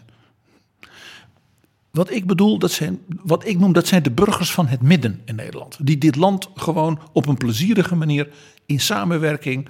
Je gunt elkaar wat en je doet stap voor stap ga je vooruit. Wat mevrouw Merkel zo mooi noemt, schriet voor schriet. Dat is ook heel Nederlands. Mevrouw Merkel is ook zo'n hele, net, net als een Hollandse protestant. Nou, die burgers, die werden dus aangesproken door het door het gedegene, mag ik bijna zeggen, het bijna wat saaie. Maar je wist, het type Balkenende, het was een man die leen je je portemonnee uit. Daar koop je een tweedehands auto van. En die zegt dan, ja, daar zit een klein roestplekje. Hij had natuurlijk als profiel iemand, ja, hij had er wel op gestudeerd. Het was niet iemand die maar wat aanbabbelde. Ja, het was wel iemand die eh, vaak toch een beetje de, de lachers op zijn hand kreeg... als die weer eens een keer begon over waarden en normen.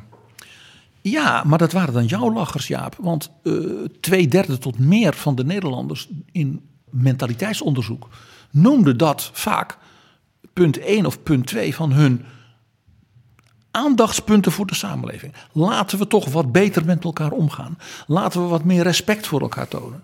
Ja, dus zeg maar de, de harde economie en de harde veiligheid... die ook altijd hoog in de lijstje stonden... daar stond al gauw dat wat vagere begrip waarden en normen ook bij. Dat stond dus vaak boven. En zeker in die periode na 11 september speelde natuurlijk ook het effect van laten we in deze moeilijke tijden en waarin er zulke dreigingen zijn, elkaar als samenleving een beetje vasthouden. Uh, het gaat om het totaal. Ik heb inderdaad aandacht gevraagd voor het thema fatsoen, respect, ware normen. En er is ook heel veel gebeurd. En dat is niet een zaak alleen van Den Haag. Ga maar eens in wijken en buurten kijken. Kijk wat er op scholen gebeurt, bij sportverenigingen. Dat zijn wat uh, dingen die mensen zelf oppakken. Daar ben ik ontzettend blij om. Iedereen weet ook dat ik dit thema op de agenda heb gezet. En gelukkig zijn heel veel mensen daarmee aan de slag. Speelde nog iets.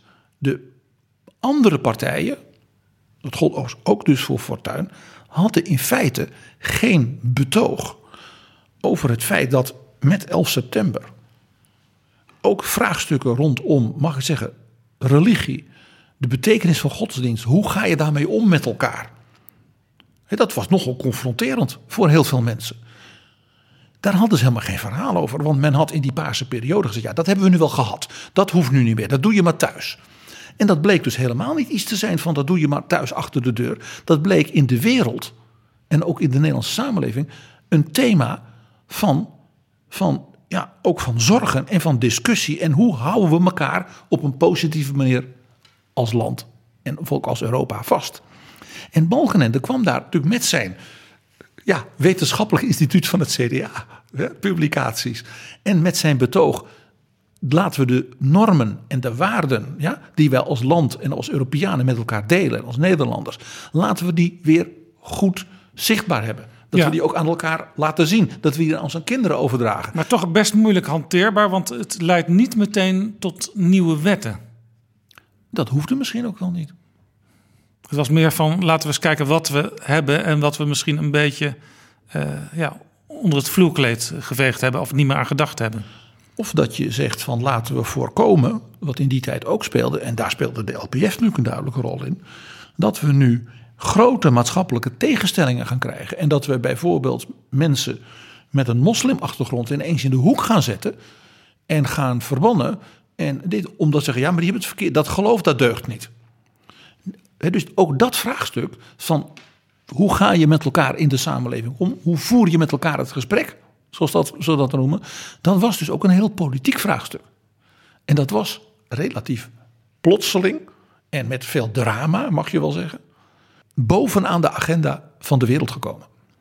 En ja, Balkenende met zijn achtergrond en het CDA ook met zijn wortels in de Nederlandse geschiedenis, was een partij die met dat onderwerp, ja, ik zeg het een beetje ondeugend, daar wel, wel raad mee wist. Ja, Balkenende die, die bleek het dus goed te doen. Hij heeft eerst even dat onhandige kabinet, kon hij ook niks aan doen, want dat werd hem in de schoot geworpen met de LPF eh, gehad. Nou, dat, daar kwam al snel een einde aan. Ik, ik, ik vind het leuk om even erop te wijzen dat het feit dat er een kabinet moest komen waar de LPF duidelijk een rol in speelde en het CDA als grote winnaar van de verkiezingen, hè, want dat was het CDA, natuurlijk de leiding bij zou hebben, dat dat aan de koningin door ongeveer alle fractievoorzitters, dus ook van de verliezende partijen, ook door de Partij van de Arbeid, ook door Rozenmuller, ook door Tom de Graaf, nadrukkelijk werd gezegd. De beeldvorming achteraf, het CDA had een soort machtshonger om met de LPF te gaan, klopt gewoon niet. Het was een idee dat breed gedragen werd in de politiek.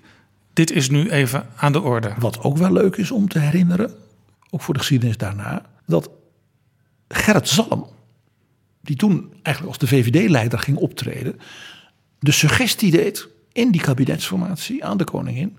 Als nou eens het CDA en de LPF samen een regering gaan vormen, dan zijn wij als VVD misschien wel bereid die te gedogen. Ja, het idee van de VVD was natuurlijk, laat het CDA dat maar doen, want dan verschrompelen ze weer en dan komen wij weer triomferend terug op het toneel bij volgende verkiezingen. Nou, jij projecteert nu allerlei uh, uh, diabolische gedachten op het hoofd van de heer Zalm. Mij, vond, mij trof vooral toen ik dit in de stukken tegenkwam... dat de VVD toen al een soort gedoogconstructie... met een nieuwe extreemrechtse partij een interessante gedachte vond. Maar goed, dat, dat was dat eerste kabinet Balkenende. kwam snel een einde aan. Toen kwam er een kabinet met de VVD en D66. Ja, en daar zag je dat dat kabinet... in zekere zin net zo labiel was... als dat eerste kabinet met de LPF.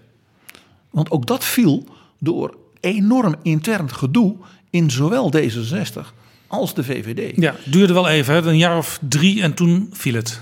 Nou, na twee jaar begon de zaak al behoorlijk fout te gaan. Uh, uh, zowel in D66, D66 uh, verspeelde zijn vicepremier Tom de Graaf en bleef gewoon in de coalitie zitten. Maar intern was het grote ellende. Ja, de fractie en, was klein, maar ze waren desondanks over heel veel dingen verdeeld. Ja, verscheurd. En de VVD had een slechte uitslag bij gemeenteraadsverkiezingen. En was ineens daardoor zijn leider kwijt, Jozef, Jozef van Aartsen. En toen kreeg je de epische tweestrijd tussen staatssecretaris Mark Rutte en minister Rita Verdonk.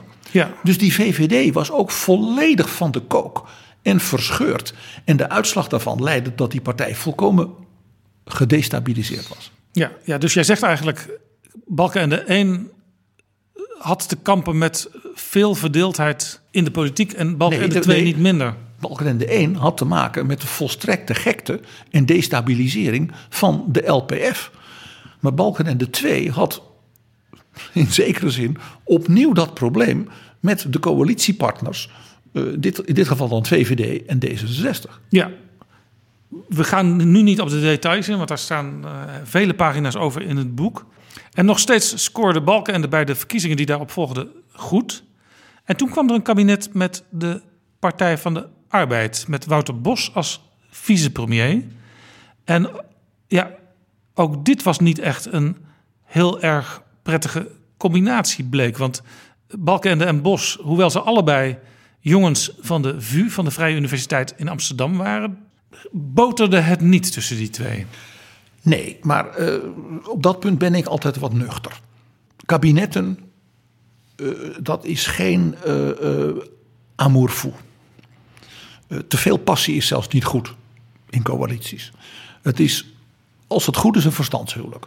Dus je gunt elkaar wat, maar je weet ook, over een aantal jaren zijn er misschien weer verkiezingen. Dat heb je in de democratie nou eenmaal om de vier jaar bij ons. En dan is die vicepremier van mij waarschijnlijk ook wel weer mijn opponent. Ja, we spreken nu... Dus, dus op dat punt ben ik wat, wat nuchter. Eh, tussen Balkenende en Gerrit Salm is het ook nooit iets geweest. En dan zeg ik het netjes. Dus, dus, dat, dus dat, ik vind dat punt eh, erg overdreven. Wat hier speelde was iets anders. Wouter Bos was de nieuwe leider van de Partij van de Arbeid.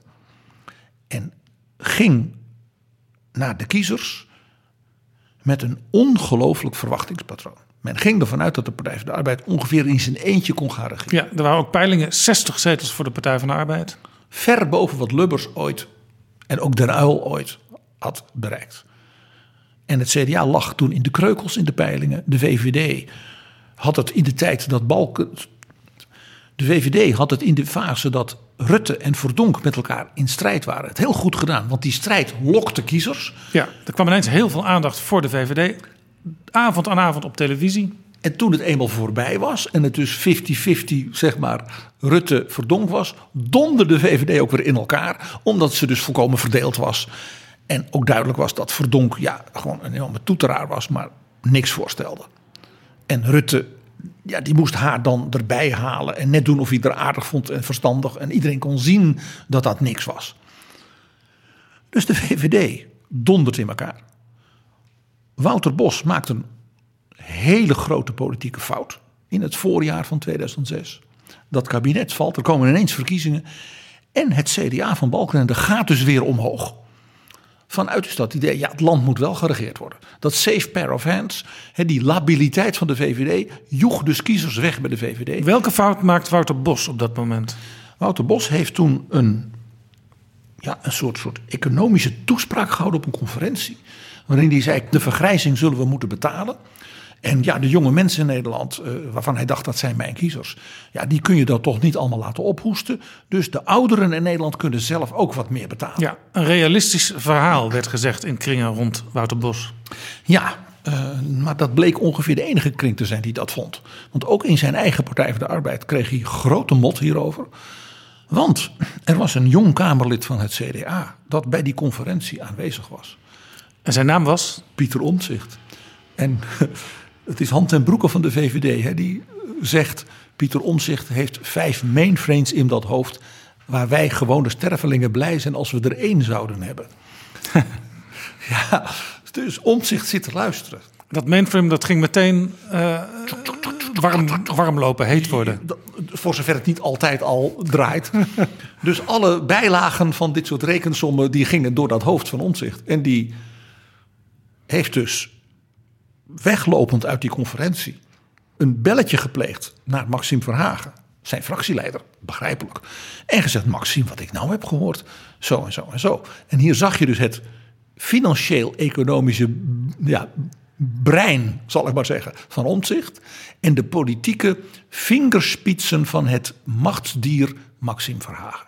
Die begreep onmiddellijk: dit is iets dat ga ik nooit meer loslaten. De mensen met een AOW'tje en een klein pensioentje, die gaan dus al beginnen eerst een klein beetje te betalen, omdat meneer Bos wil de belastingen verhogen voor ouderen. En de mensen met een wat groter pensioen, die altijd hebben gespaard, gaan nog veel meer betalen. Het was natuurlijk een dodelijk verhaal. En daarbij kwam, ik laat dat in het boek ook zien, dat Omtzigt dus, ja, die ging meteen uh, me, uh, schema's maken. En kon dus voorrekenen dat zelfs al een politieman, hè, die nooit commissaris was geworden, dat die al na 65 een stukje van zijn extra pensioen moest gaan inleveren. Dat was natuurlijk waar de PvdA van Drees. Je probeer je ook even de emotiekant daarvan in de politiek. De PvdA van Drees werd dus verraaien door de PvdA van Bos. En dit was ook het moment dat mensen zich misschien nog wel herinneren. Er was een radiodebat en daar zei Balkenende tegen Wouter Bos dit. Bos, in de eerste plaats draait u met uw standpunt over het ontslagrecht. En in de tweede plaats bent u niet Maar eerlijk. wie draait hier nou? In Nee, uw verkiezingsprogramma u bent- u staat niet niks. Eerlijk, meneer Bos. In de stemwijzer U staat draait wat niet klopt. En u bent niet eerlijk. En daar werd dus twijfel gezaaid aan zeg maar, de stabiele koers van de Partij van de Arbeid door Jan-Peter Balkenende. En dat de Partij van de Arbeid vanuit dit idee met die vlotte jonge Wouter Bos, de klassieke, oudere, gematigde P van de A-kiezer, als het ware gewoon aan het dumpen was. Zo hard was het. En daarbij kwam dat mensen als Ma- Marcel van Dam en Margreet de Boer, oud-minister van de PvdA, dus allemaal openlijk Wouter Bos afvielen. Dat deed dus niet Verhagen of Balkenende, dat deed dus Peter. Nog één leuk dingetje, Jaap. Dat u draait en u bent niet eerlijk van Balkenende is ook zo'n soort mythe. Twee mythes. Eén, Balkenende had tegen Wouter Bos gezegd dat hij liegt. Dat was dus niet zo. Hij zei, u probeert er nu onderuit te komen dat u die bejaarden in feite gewoon fiscaal wil uitknijpen. U draait. He, want hij zei, nee, nee, nee, we gaan dat compenseren en dit en dat. Balkenende dat staat niet in uw programma en ook niet in die toespraak van u. Ja, dat was natuurlijk niet aardig van Balkenende, maar ja, politiek is niet voor zachte, zachte types. En tweede was, was natuurlijk dat een heleboel mensen zeiden dat was heel hard van Balkenende. En dat was dus bedacht door spindokters en dit en dat en dat. Ik laat in het boek zien dat Balkenende exact diezelfde formulering alles eerder had gebruikt in een debat over sociale zekerheid, pensioen en dergelijke. Namelijk in januari 2002, toen hij Pim Fortuyn volledig onderuit schoffelde. Dus de war room van Wouter Bos, want zo spraken ze er in de Partij van de Arbeid over, een war room, die had dit allemaal al lang kunnen weten dat Balkenende mogelijk weer dat soort termen zou gebruiken. Nou ja, die waren toen niet aanwezig op die bijeenkomst in 2002, omdat de heer Melkert zich toen plotseling voor dat debat had afgemeld. Dus de PvdA was daar niet bij. Het interessante is natuurlijk, dat weet jij ook Jaap, dat deze verkiezingscampagne was de PvdA zo zeker dat Wouter Bos zou triomferen, dat ze dus een hele uh, soort documentaire hadden gemaakt van journalisten die dat, zoals die beroemde film over Bill Clinton, hè, The War Room, die zouden dan filmen hoe Wouter Bos daar, ja, de Wouter-tapes. En het uh, elementje in die documentaire was ook dat Wouter Bos steeds, als hij bijvoorbeeld in de auto zat, weer even op een bandje insprak wat zijn belevenissen die dag weer geweest waren. En die film is uiteindelijk wel gemaakt. Maar, nou laat ik het zo zeggen, ik weet van CDA's dat ze er niet naar konden kijken vanwege een soort uh, hilarisch gevoel van hoe je dus een politiek leider van een, hè, de opponerende partij helemaal dus ten onder ziet gaan in zijn eigen ijdelheid. Want dat speelt ook. En hoe dus die war room types om hem heen hem alleen maar onzekerder maakten. En het was een bijna klassieke film van hoe, hoe je het niet moet doen. Maar goed, er kwamen verkiezingen. Uh, Balkenende deed het nog steeds goed. 41 zetels, een paar zetels verloren, maar toch.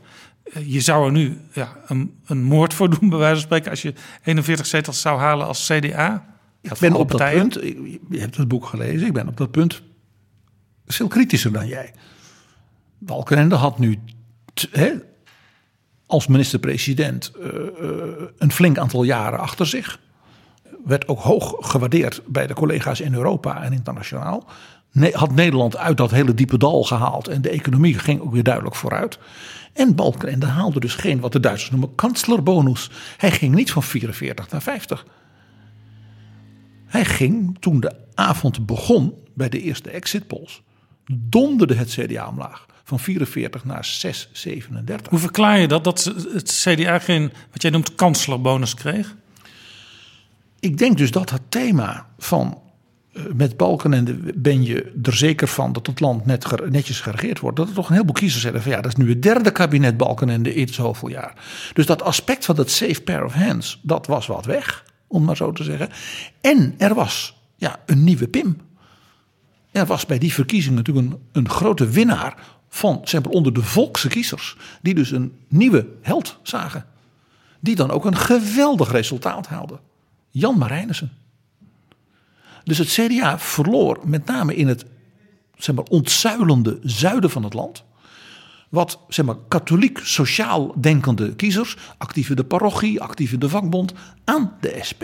Ja, dat is dan ook weer het mooie van politieke geschiedenis. Er gebeuren altijd weer dingen die je een jaar of wat eerder niet had voelen aankomen.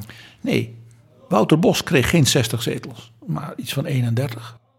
Dat werd dus ervaren in de PvdA alsof men gehalveerd was. En de SP van Jan Marijnissen kwam tot nou ja, heel dicht bij de PvdA. Hij was bijna de tweede partij van het land geworden. Ja, en de nieuwe leider van de VVD, Mark Rutte, die scoorde niet. Eh, nee, eh, ook die beeldvorming dat met mevrouw Verdonk de VVD dus een kanjer in huis had... waar het volk massaal achterheen ging, het omgekeerde gebeurde. Het CDA kachelde dus omlaag in die exit polls. En terwijl de avond vorderde, bleken die exit polls niet te kloppen. Het CDA kroop en kroop en kroop omhoog en kreeg uiteindelijk niet 36, maar 41 zetels. En als je nou de verkiezingsuitslagen, wat ik hè, voor dit boek ook heb gedaan, en je kijkt waar, hoe kan dat nou? Dat kwam omdat er in hele delen van Nederland die die exit pollmakers natuurlijk niet konden zien, want dat waren details. Het CDA het enorm goed deed. En dan heb ik het over Wassenaar, over Bloemendaal, over de villa-buurten, over de rijke eh, buurten rondom een stad als Eindhoven. Dus rondom ook de grote steden en universiteitssteden, de betere buurten, de villa-dorpen. Daar ging het CDA enorm omhoog. Dat wa- en de VVD donderde omlaag. Dus wat zag je hier? Mensen die dus klassiek liberaal VVD stemden, rijkere mensen, die hun hypotheekrenteaftrek wel wilden houden, maar die, die mevrouw Verdonk natuurlijk echt, dat vonden ze natuurlijk een proleet, laten we maar gewoon zeggen zoals het is. Die vonden die Rutte, ja. Dus die denken, ja, we willen wel een beetje een fatsoenlijke regering en we willen niet dat die Wouter Bos. Dus die gingen dan maar CDA stemmen. Dat betekende ook dat het CDA deze kiezers de volgende ochtend meteen weer kwijt was. Die mensen gingen niet naar het CDA omdat ze ineens zeiden: wij zijn begeesterd geraakt door de christendemocratische Ja, filosofie. nu zeg je iets omineus, want toen kwam er een kabinet met de Partij van de Arbeid. En aan het eind van dat kabinet stortte het CDA electoraal in. Dit is Betrouwbare Bronnen, een podcast met betrouwbare bronnen.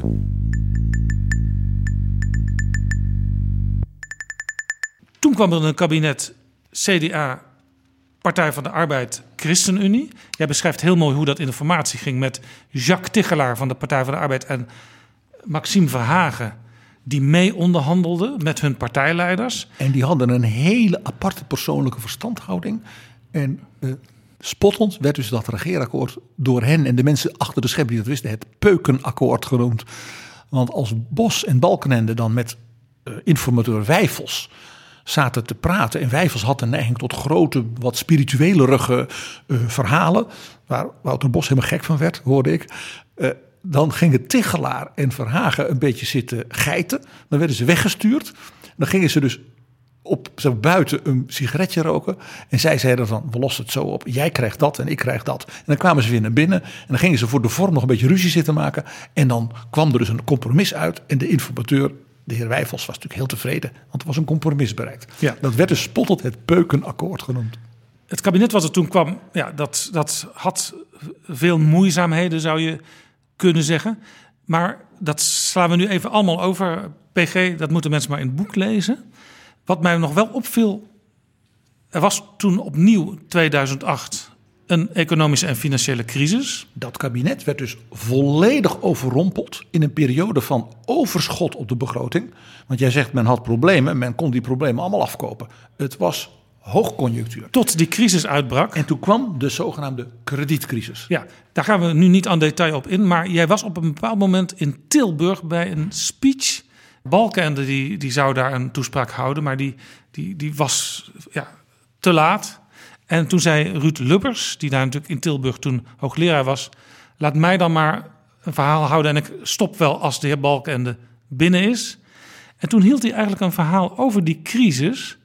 En daar zat iets interessants in, want uit zijn betoog bleek eigenlijk dat Lubbers vond dat het CDA, onder leiding van Balkenende, het er een beetje bij had laten zitten in die crisis met het verhaal van de normen en waarden. Want Lubbers zei, dat had je heel mooi aan elkaar kunnen koppelen. Dat was hoogst opmerkelijk. Dat was een symposium voorafgaand aan de opening, zeg maar de jaaropening van de universiteit. En Balkenende zou op dat symposium komen. Het boek van een aantal hoogleraren over het thema waarden in de economie. Zo heette het symposium ook. En daar waren echt alle nou ja, eh, economen, hoogleraren in Nederland en ook een heleboel CDA's en van de universiteiten, wel, die waren er allemaal. En Balkenende zou dat boek in ontvangst nemen en natuurlijk iets vertellen over waarden en normen en de economie en de crisis. Dus dat symposium begint en de minister-president kwam niet. Die zat vast in Den Haag en er was gedoe, dus hij komt iets later. En hij kwam nog iets later en toen bleek er een enorme stremming bij de Brinnenoordbrug. Alles zat tegen. Kortom, Lubbers begon en dat was een moment dat Lubbers nog heel scherp van geest was. Ja, en toen hebben ze Lubbers gevraagd om als het ware een beetje in te vallen vanuit het idee als Balken en dan, dan toch nog om half vier. Ja? En Lubbers begint en die is. Dit was de Ruud Lubbers zoals we hem kenden op de toppen van zijn intellectuele en politieke vermogen. Dus daarom ook bijzonder, want dat is natuurlijk daarna veel minder geworden. En die zei, ja, wij economen, hij was natuurlijk zelf ook hoogleraar daar, hebben dus behoorlijk misgezeten. Vrienden, wij zaten ook te slapen. Prachtige term, zoals hij dat zei. En zij, die economische ellende van nu, die kredietcrisis, dat raakt de fundamenten van hoe het kapitalisme functioneert. De financiële markten, dat banken maar aanrommelen, dat rommelhypotheken in Amerika. Hij zegt dus het hele financiële systeem moet ter discussie staan. En hij zegt daarom waarden in de economie. En hij zegt waar we nu in terecht zijn gekomen is een Bermuda-driehoek van waarden. Dat is dus verdwenen. De aandacht daarvoor. Dat kon ik als aanwezige maar op één manier natuurlijk duiden. Dit was een openlijke aanval op het kabinet Balkenende 4. Dus Balkenende en Bos. En dat zei hij ook. Ja, in Den Haag is men alleen maar met korte termijn dingen bezig. Met spindokters. En nou, hij werd echt heel, heel scherp. Dus ik zat daarbij ja, met een schrijfblokje op mijn knieën. Dat kun je je voorstellen. Dit was zeer opmerkelijk. Ja. Dus Lubbers zei: het CDA met de premier Balkenende heeft zijn eigen thema, eigenlijk thema's, namelijk waarden en normen als dragend voor de samenleving.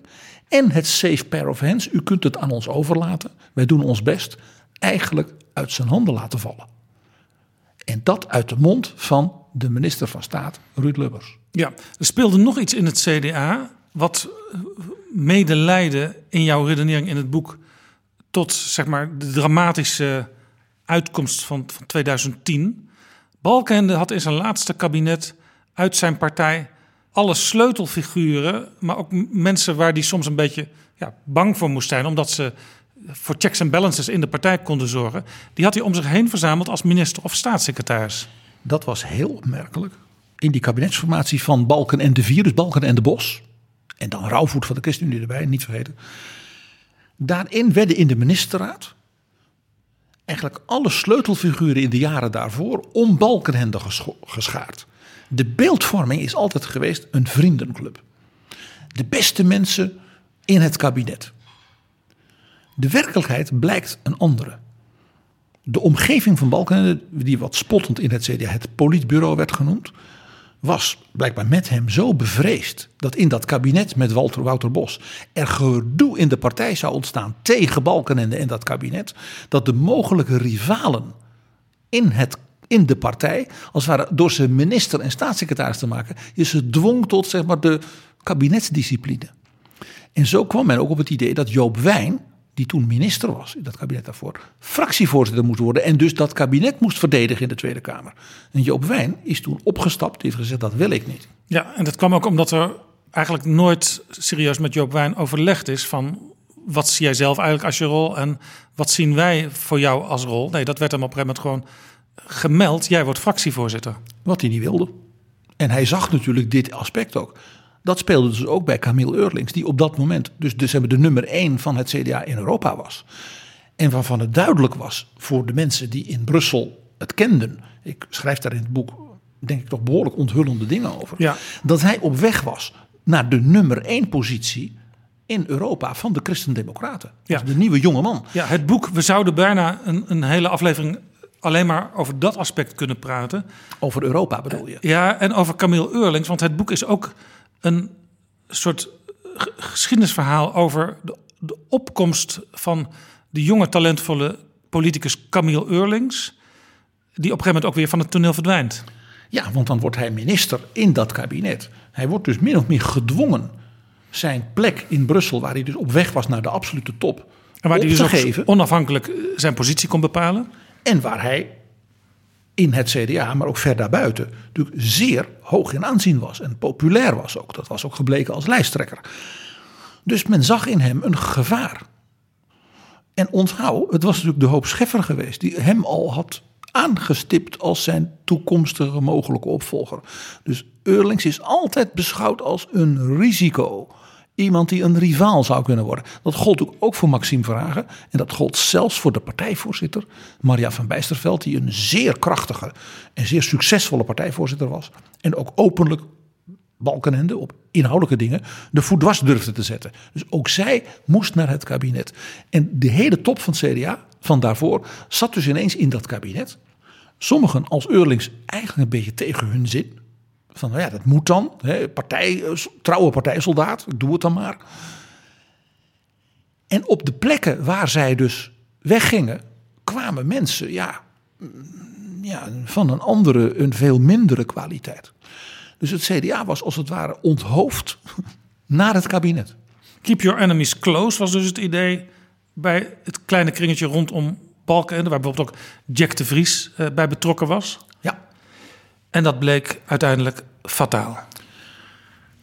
Dat leidde ertoe dat toen dat met dat kabinet, eh, met die grote crisis, eh, het heel moeilijk werd.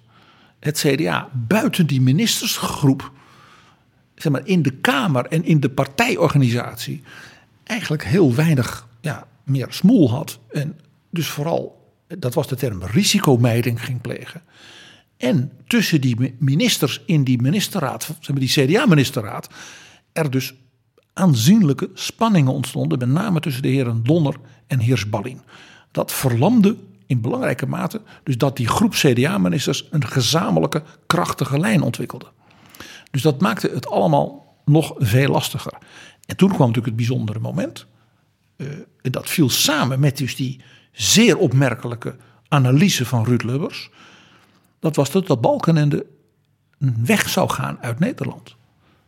En als premier zou vertrekken. En de eerste president van Europa zou worden. Ja, dat wisten wij journalisten op een bepaald moment dat dat speelde. Maar er werd heel erg gedaan rondom Balkenende dat dat absolute onzin was. Ja, ja, maar ja, wat konden de mensen van Balkenende en zijn staf anders zeggen? Als hij, stel, je bent de stafmedewerker van Balkenende. Die zegt, ja, hij is de gordijnen al aan het opmeten in Berlaymont. Of eh, ja, eh, eh, hij is al extra naar de nonnen in Vught geweest om Frans te leren. Ja, dan ben je weg als premier. Helemaal als je het dan ook nog niet wordt. Hè? Want ook dat kan natuurlijk nog. Dat weet je in Europa nooit. Dat is altijd een heel ingewikkeld spel van landen en leiders en posities. Ja, het is altijd de vraag: hoe zorg ik dat de mensen die het moeten weten, het weten? Maar het werd voorafgegaan ook nog door eh, dat Balkenende Lubbers nog een keer naar voren probeerde te schuiven. En Lubbers daar geen zin meer in bleek te hebben. En Maxime Verhagen, en dat is des te opmerkelijker, die dacht: ik heb een andere kandidaat. En dat is Wim Kok. Maxime Verhagen zei: Ruud Lubbers is briljant. Dat weten we. Dat was ook nog weer bij die invalspeech gebleken. Maar is natuurlijk wel een beetje een, ongeleid projectiel. Dat is, die man is zo briljant dat je nooit helemaal zeker weet waar je gaat landen met hem. En als je nou in Europa één ding niet moet hebben, is iemand die als onberekenbaar wordt beschouwd.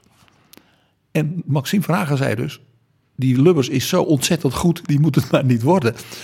Dat Balkenende met Lubbers kwam is niet zo raar. Balkenende was natuurlijk van een generatie mensen in het die Lubbers, het was een briljante man.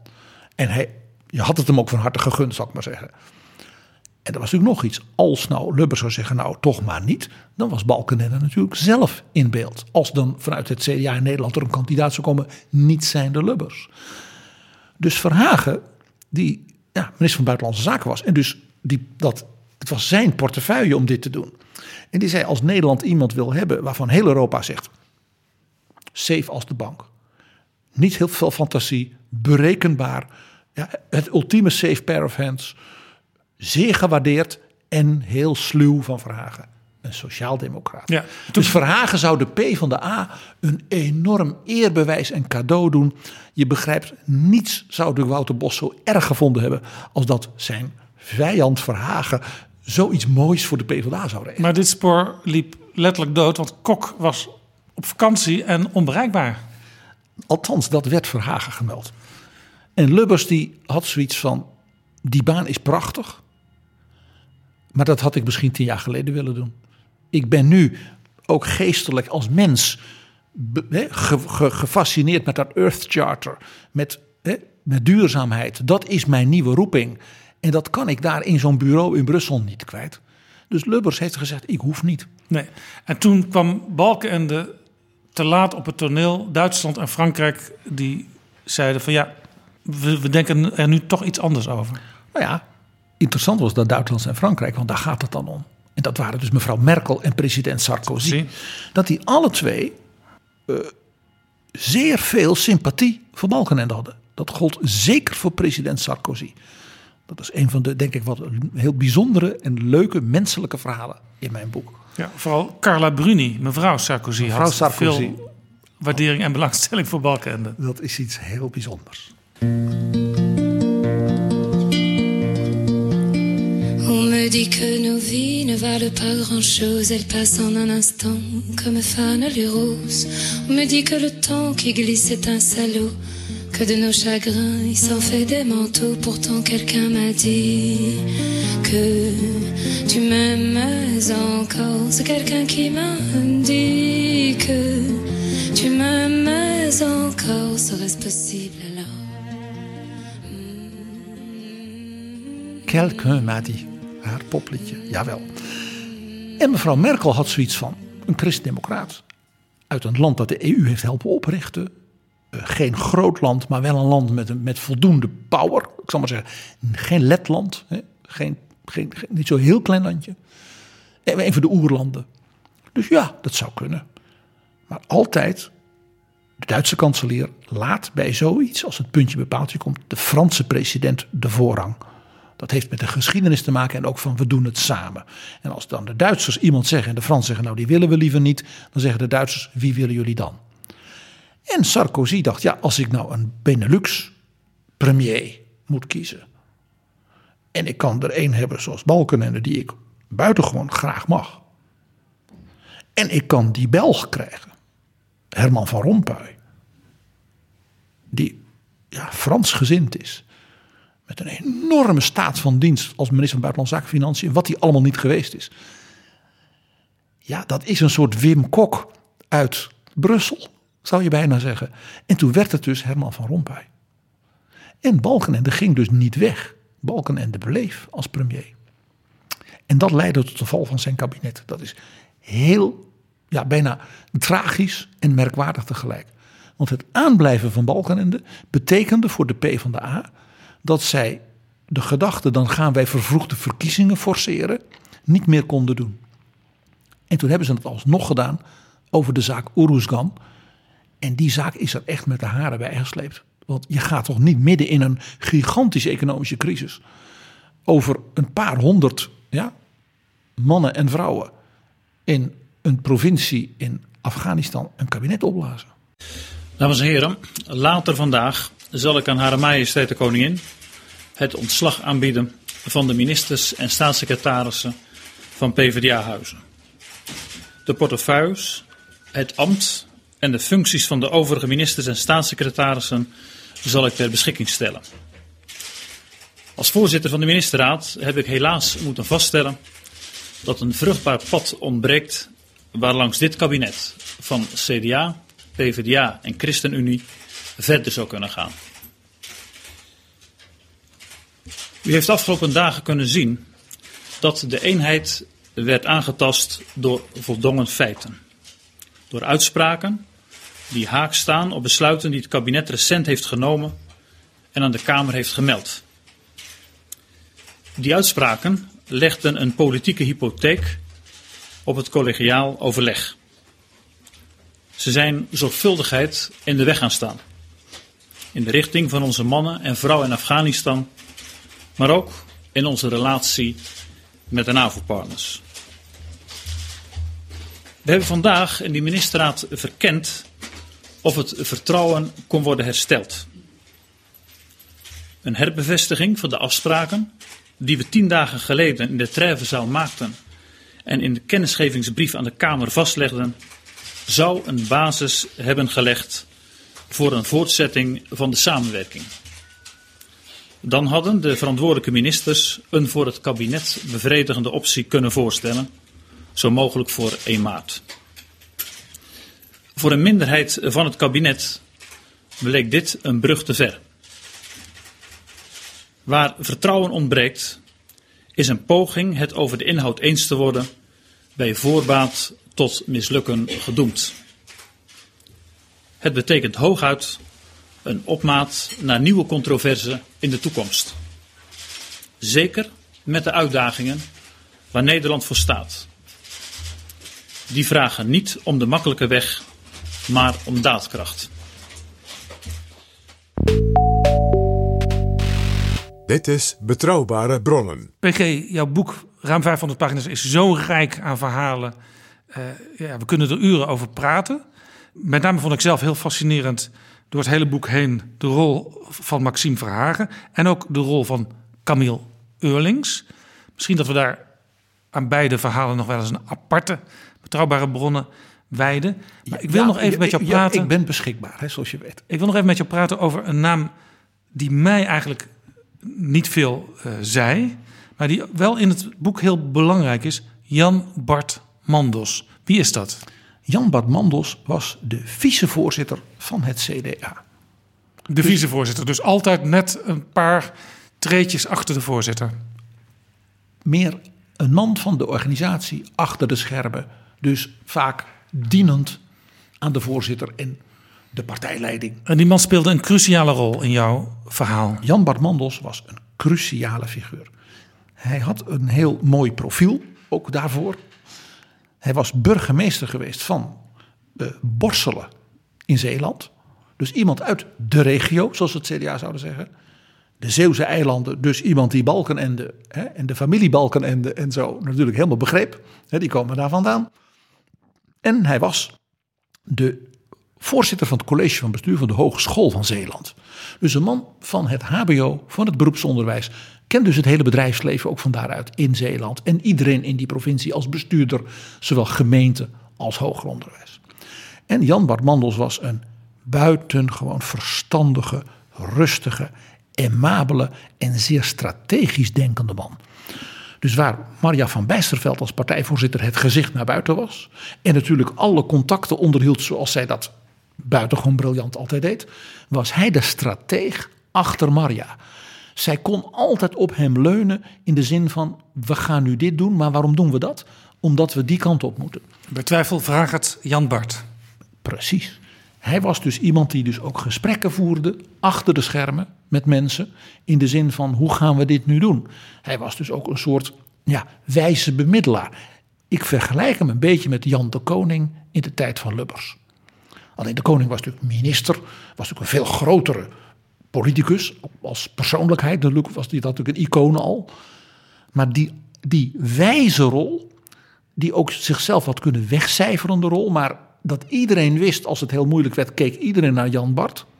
Dat was wat Mandos deed. Ja, hij was dus ook de, de stabiele rots in tijden van storm. Wat een prachtig Zeeuws beeld. Luctor et emergo. En hij eh, was op een gegeven moment, werd, werd hij zwaar ziek en hij, hij overleed. En dat was ook op een moment dat het, dat het toch al lastig was in de partij. Toen ging het ook echt mis omdat zijn wijsheid er niet meer was. de dood van Jan Bart Mandos in oktober 2006, dus vlak voor die verkiezingen. En daarna kwam dus die formatie met de PvdA, waarbij dus eh, dat politbureau al die mensen om Balkenende schade. Hij had misschien vanuit zijn eh, kennis en kunde kunnen zeggen: dat moet je zo niet doen. Hij heeft die laatste maanden nog, ziek als hij was, echt alles uit de kast gehaald om de, zaak door de goede kant op te krijgen. Hij heeft bijvoorbeeld zeer aangemoedigd uh, dat uh, zeg maar, de toekomst van Camille Eurlings goed geregeld zou worden. Wat gaan we nou met zo'n talent dat in Europa zo ja, goed in opmars is, wat gaan we nu met hem doen? Dat was dus typisch iets van Jan Bart Manders. Die keek vooruit, strategisch. Maar ja, doordat hij zo ziek was, kon hij natuurlijk ja, op een bepaald moment niet meer alles doen. En overleed toen toch ook nog heel plotseling. En ja, dat, dus zijn overlijden en het vertrek als partijvoorzitter van Marja van Bijsterveld liet dus een enorm gat achter in zeg maar, de regie, de strategie van die partij. En daarom Jan Bart Mandels, ik vind het boeiend dat jij dat ook nu zegt, van ik las daar over een man waar ik, die ik niet kende, maar die een sleutelpersoon was in die geschiedenis.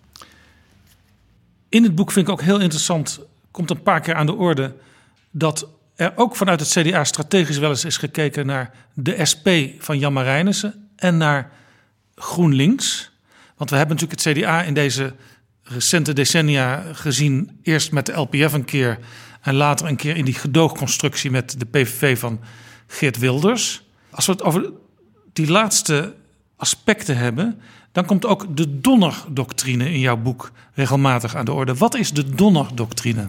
De Donner-doctrine, zo wordt dat in het CDA genoemd, is de politieke analyse die eigenlijk ontstond toen de LPF opkwam en men dacht: wat moeten we daar nu mee? En dat was die gedachte heel kort samengevat. Die kiezers, dat zijn ontheemde kiezers van de verweesde samenleving van Fortuin. Die mensen zijn dus hun oriëntatie kwijt.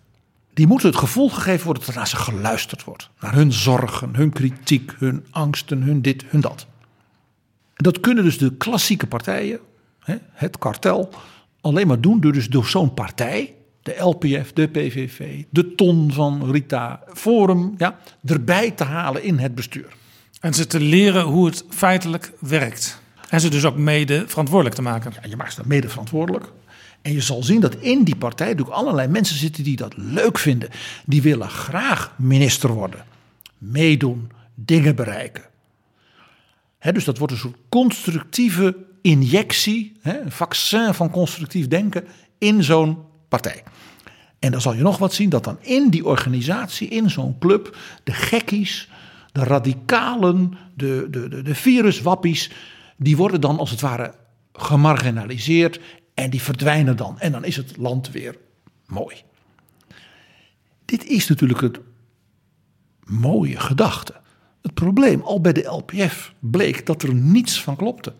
En tot en met de dag van vandaag, en letterlijk deze weken, blijkt dat die analyse van de donderdoctrine, van haal ze erbij, dan worden ze constructief en dat vinden ze fijn, dat daar niets van klopt. Mag ik één cijfer geven? Gewoon de allereerste keer dat men dit deed. De LPF. die kwam dus in dat kabinet Balkenende 1. Bomhof, Heinsbroek, Nawijn, we kennen ze. De achterban van de LPF was helemaal niet van, oh wat fijn, er wordt naar ons geluisterd, wij kunnen nu meebeslissen. De LPF donderde in elkaar in de peilingen. Ze zat op een bepaald moment in september, oktober op nul zetels. Na dus die 26 die ze in één keer haalden. Dus dat meedoen werd helemaal niet gewaardeerd. Nog iets in dat kabinet. Nou ja, ja, jij kent ook de epische verhalen. Hoe ze met elkaar omgingen. Er was helemaal geen sprake van constructief meeregeren. Heinsbroek zat alleen maar met iedereen en vooral rivaliteit en ruzie. En Bomhoff had zijn belletje. Er was geen sprake van we gaan nu als het ware samen er iets van maken. En marginalisering van de gekkies? Nee, volstrekt niet. Die partij spatte uit elkaar. Men is misschien zelf wel vergeten dat het partijbestuur van de LPF de hele Kamerfractie uit de partij zette. Dat is zelfs bij Forum nog niet gebeurd. Dit is dus dan een maand of vijf, ja, LPF. Niets dus van die donderdoctrine, van die analyse, is daarmee te bewijzen. Het omgekeerde. Het is met de PVV precies zo gegaan. Wilders zei: Ik ga gedogen. Ik ga dat kabinet overeind helpen houden. De werkelijkheid was dat de PVV al uit elkaar begon te vallen. Zodra Wilders dus met al die zetels erin zat. Hero Brinkman. Dus het waren de Partij van de Arbeid en D66 en GroenLinks die dat kabinet overeind hielden. Als het om Europa ging. En de Grieken en de instorting en de dreigementen voor de euro. En het idee dat de kiezers dat waardeerden van de PVV. Nee, Geert Wilders donderde omlaag in de verkiezingen meteen daarna. Toch wordt er in het CDA gezegd, en je hoort het bijvoorbeeld ook nu nog de oud-voorzitter van het CDA zeggen, Henk Bleker, die was op 29 november te gast bij WNL op zondag. Laten we even naar hem luisteren. En ik ben wel eens op die bijeenkomsten geweest, die ledenbijeenkomsten. En toen dacht ik van, nou ben ik nou op een congres van het CDA? Of misschien van VVD. Waarmee je wil zeggen? Uh... Onvoorstelbaar veel ondernemers. Onvoorstelbaar veel ex-VVD'ers, ex-CDA'ers. Mensen die de lokale partijen groot hebben gemaakt. Want de grootste partij in Nederland is niet de VVD. Maar zijn de, is de, zijn de gezamenlijke lokale partijen. En die hebben allemaal iets dat de gevestigde partijen, maar ook de gevestigde bureaucratie. Denk even aan de toeslagenaffaire. Denk even aan hoe het ministerie van LNV met, met boeren soms omging. Dat de gevestigde partijen, de gevestigde uh, bureaucratie, hen in de steek liet, over hen heen walste. Is het, daar heeft Forum ja? aan dat gevoel van hele gewone oud-CDA's, oud-VVD'ers, mensen die actief zijn als lokale partij, die ze als lokale partij hebben opgericht, gewone nette mensen. Daar heeft Forum een platform voor geboden. Overigens, ja. Maurice de Hond heeft daar ook een peiling naar gedaan. Meer dan de helft van alle kiezers zegt in Nederland... er is gewoon een gat rechts van de VVD. Uh, en, en de rechtse kiezers vinden dat nog veel meer. Die zoeken naar, wat, wat je net zegt, dit, dat, een, een nette mensen, ja. rechtse ja. partij. Dat is het bijzondere. Uh, dat, dat je eigenlijk in Nederland ziet dat de grote partijen... die de, dit kiezerspubliek zouden kunnen omarmen...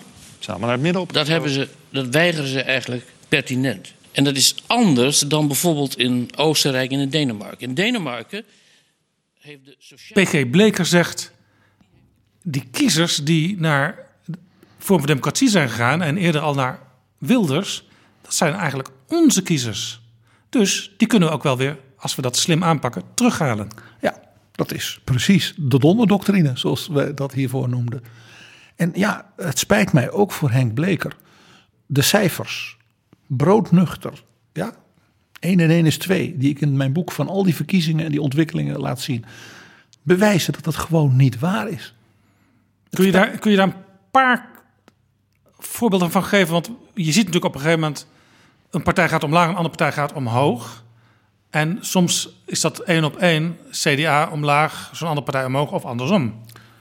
Maar het plusje 1 bij de een en het, plus, en het minnetje 1 bij de ander betekent helemaal niet dat dat dezelfde, dat als de mensen zijn overgestoken. Dat is allemaal veel complexer. Mag ik één gewoon, ik geef je, ik geef twee concrete voorbeelden. Eén. De LPF stortte volledig in in het najaar en de winter 2002, 2003. Het CDA had met Balkenende die verkiezingen gewonnen. En toen kwamen er in januari opnieuw verkiezingen. En volgens de donderdoctrine, en Henk Bleker van zojuist, zouden dus al die oud-CDA's die waren verleid ja, om naar de LPF te gaan. Die zouden dan dus nu terugkeren, want het CDA had geluisterd naar die mensen. Ze hadden in dat kabinet gezeten. He, men had dus hen een plek gegeven. Dus dan had het CDA van die 243 van Balkenende naar nou, 50 moeten gaan. Want de LPF ging van 26 naar 8, min 18. Nou, als je nou zegt een derde tot de helft daarvan ging naar het CDA. Ja. Nou, jij weet hoe de uitslag was. Het CDA ging naar 44.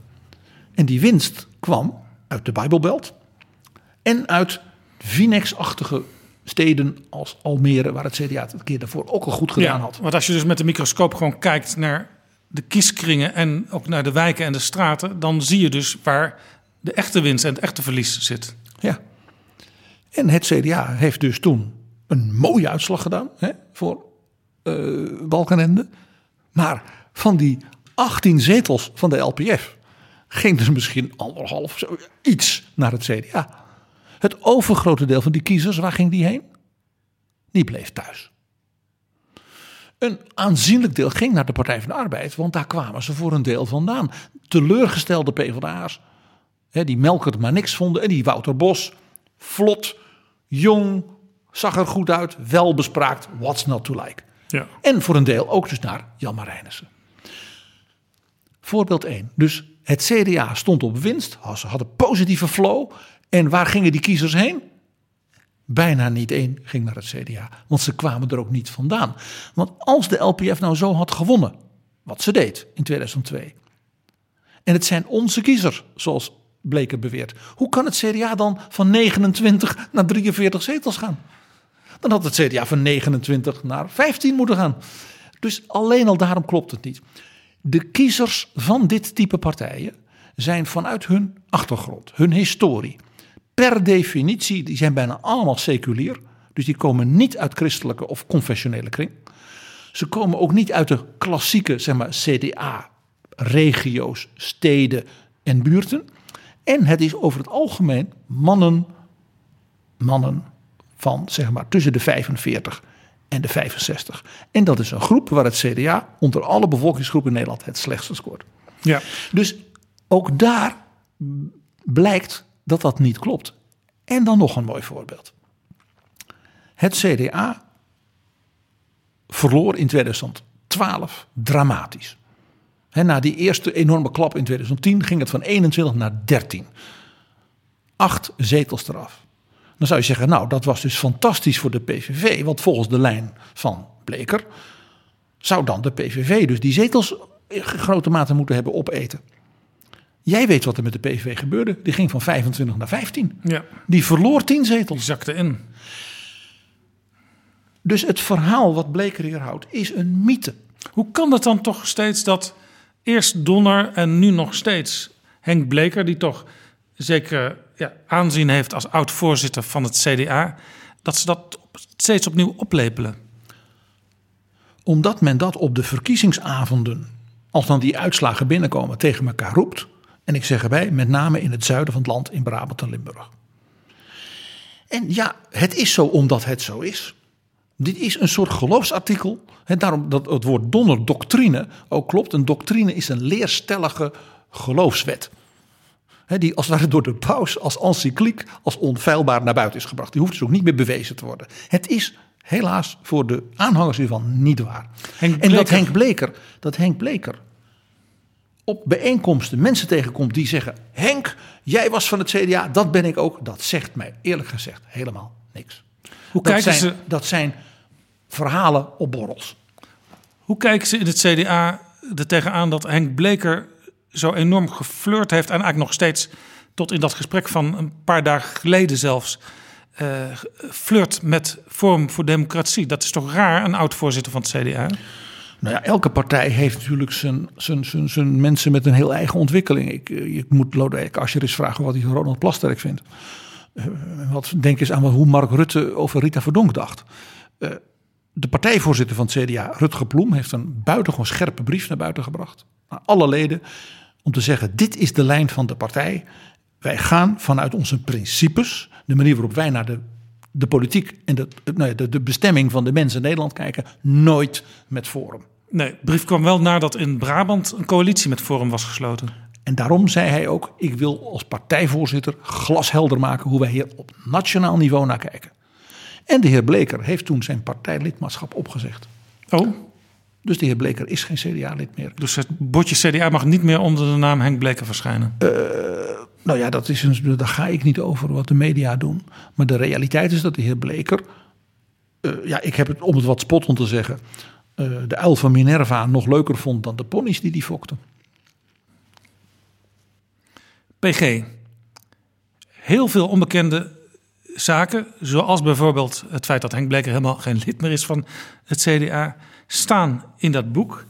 Ik kan het boek ook aanraden, niet alleen voor mensen die in het CDA geïnteresseerd zijn, maar ook voor mensen en ook strategen van andere partijen. Jouw vorige boek, dat werd zelfs door Wim Kok aangeraden aan de kring rondom hem heen. Want hij zei, ja, wat er allemaal beschreven wordt over het CDA in dat boek, zoiets mag bij ons niet gebeuren. En vervolgens kwam er natuurlijk ook gedoe onder Kok richting Zoals een van de P- 2010. Zoals een van de PvdA-bestuurders die dus deze aanbeveling van Wim Kok dus kreeg. Dat boek moet je lezen. Zoiets mag bij ons nooit gebeuren. Dus later tegen mij zei, nou dat heeft geholpen. Hè? Zo zie je dus ook hoe de politiek soms zich herhaalt. Wat in de ene partij gebeurt, als het ware ook in een andere partij gebeurt. En ook dus hoe die historie van partijen een ongekende dynamiek altijd kent. Dat is wat mij aan het eind van het schrijven ook weer opviel. Wat een hoogtepunten en dieptepunten. Wat een bijzondere mensen er ook in die partijen. Vaak onbekende mensen. Jij wees op een Jan Bart Mandels. Een wijsman die, hè, voor met hart voor de zaak. Uh, ook dynamische, charismatische mensen. Jij wees op een Camille Eurlings. Politieke dieren ja, als Maxime Verhagen. Heel veel kleurrijke, bijzondere mensen. Uh, Angela Merkel, die in het boek natuurlijk ook uh, nadrukkelijk naar voren komt. Silvio Berlusconi, die natuurlijk ook een Europa- en christendemocraat is, die ook zo zijn rol Kortom, speelt. PG, want we gaan afronden. Ja, het Uh, is altijd weer verrassend. En de Nederlandse politiek is alles behalve saai. En je krijgt inzicht als je het boek leest in de ziel van het CDA. En ik denk dat ook veel CDA'ers zelf soms versteld zullen staan over dingen die gebeurd zijn. En de interpretatie die jij er ook historisch aangeeft. En die ook een verklaring bieden voor dingen die goed gegaan zijn en die minder goed gegaan zijn. En die misschien ook straks weer een beetje beter zouden moeten kunnen gaan. Dankjewel, PG.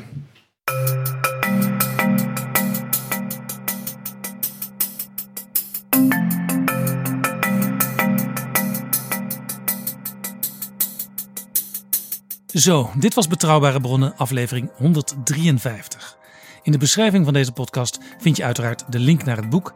En zoals altijd naar eerdere afleveringen van Betrouwbare Bronnen, die heel goed te beluisteren zijn als extraatje bij deze episode. Deze Betrouwbare Bronnen is mede mogelijk gemaakt door We Nederland. En door donaties van luisteraars via de site vriendvandeshow.nl/slash bb. Overweegt u Betrouwbare Bronnen te sponsoren of in deze podcast te adverteren? Stuur dan een mailtje naar Flip Kilian Adams. Dat is flipapenstaartdagennacht.nl. Tot volgende keer. Betrouwbare bronnen wordt gemaakt door Jaap Jansen in samenwerking met dag en nacht.nl.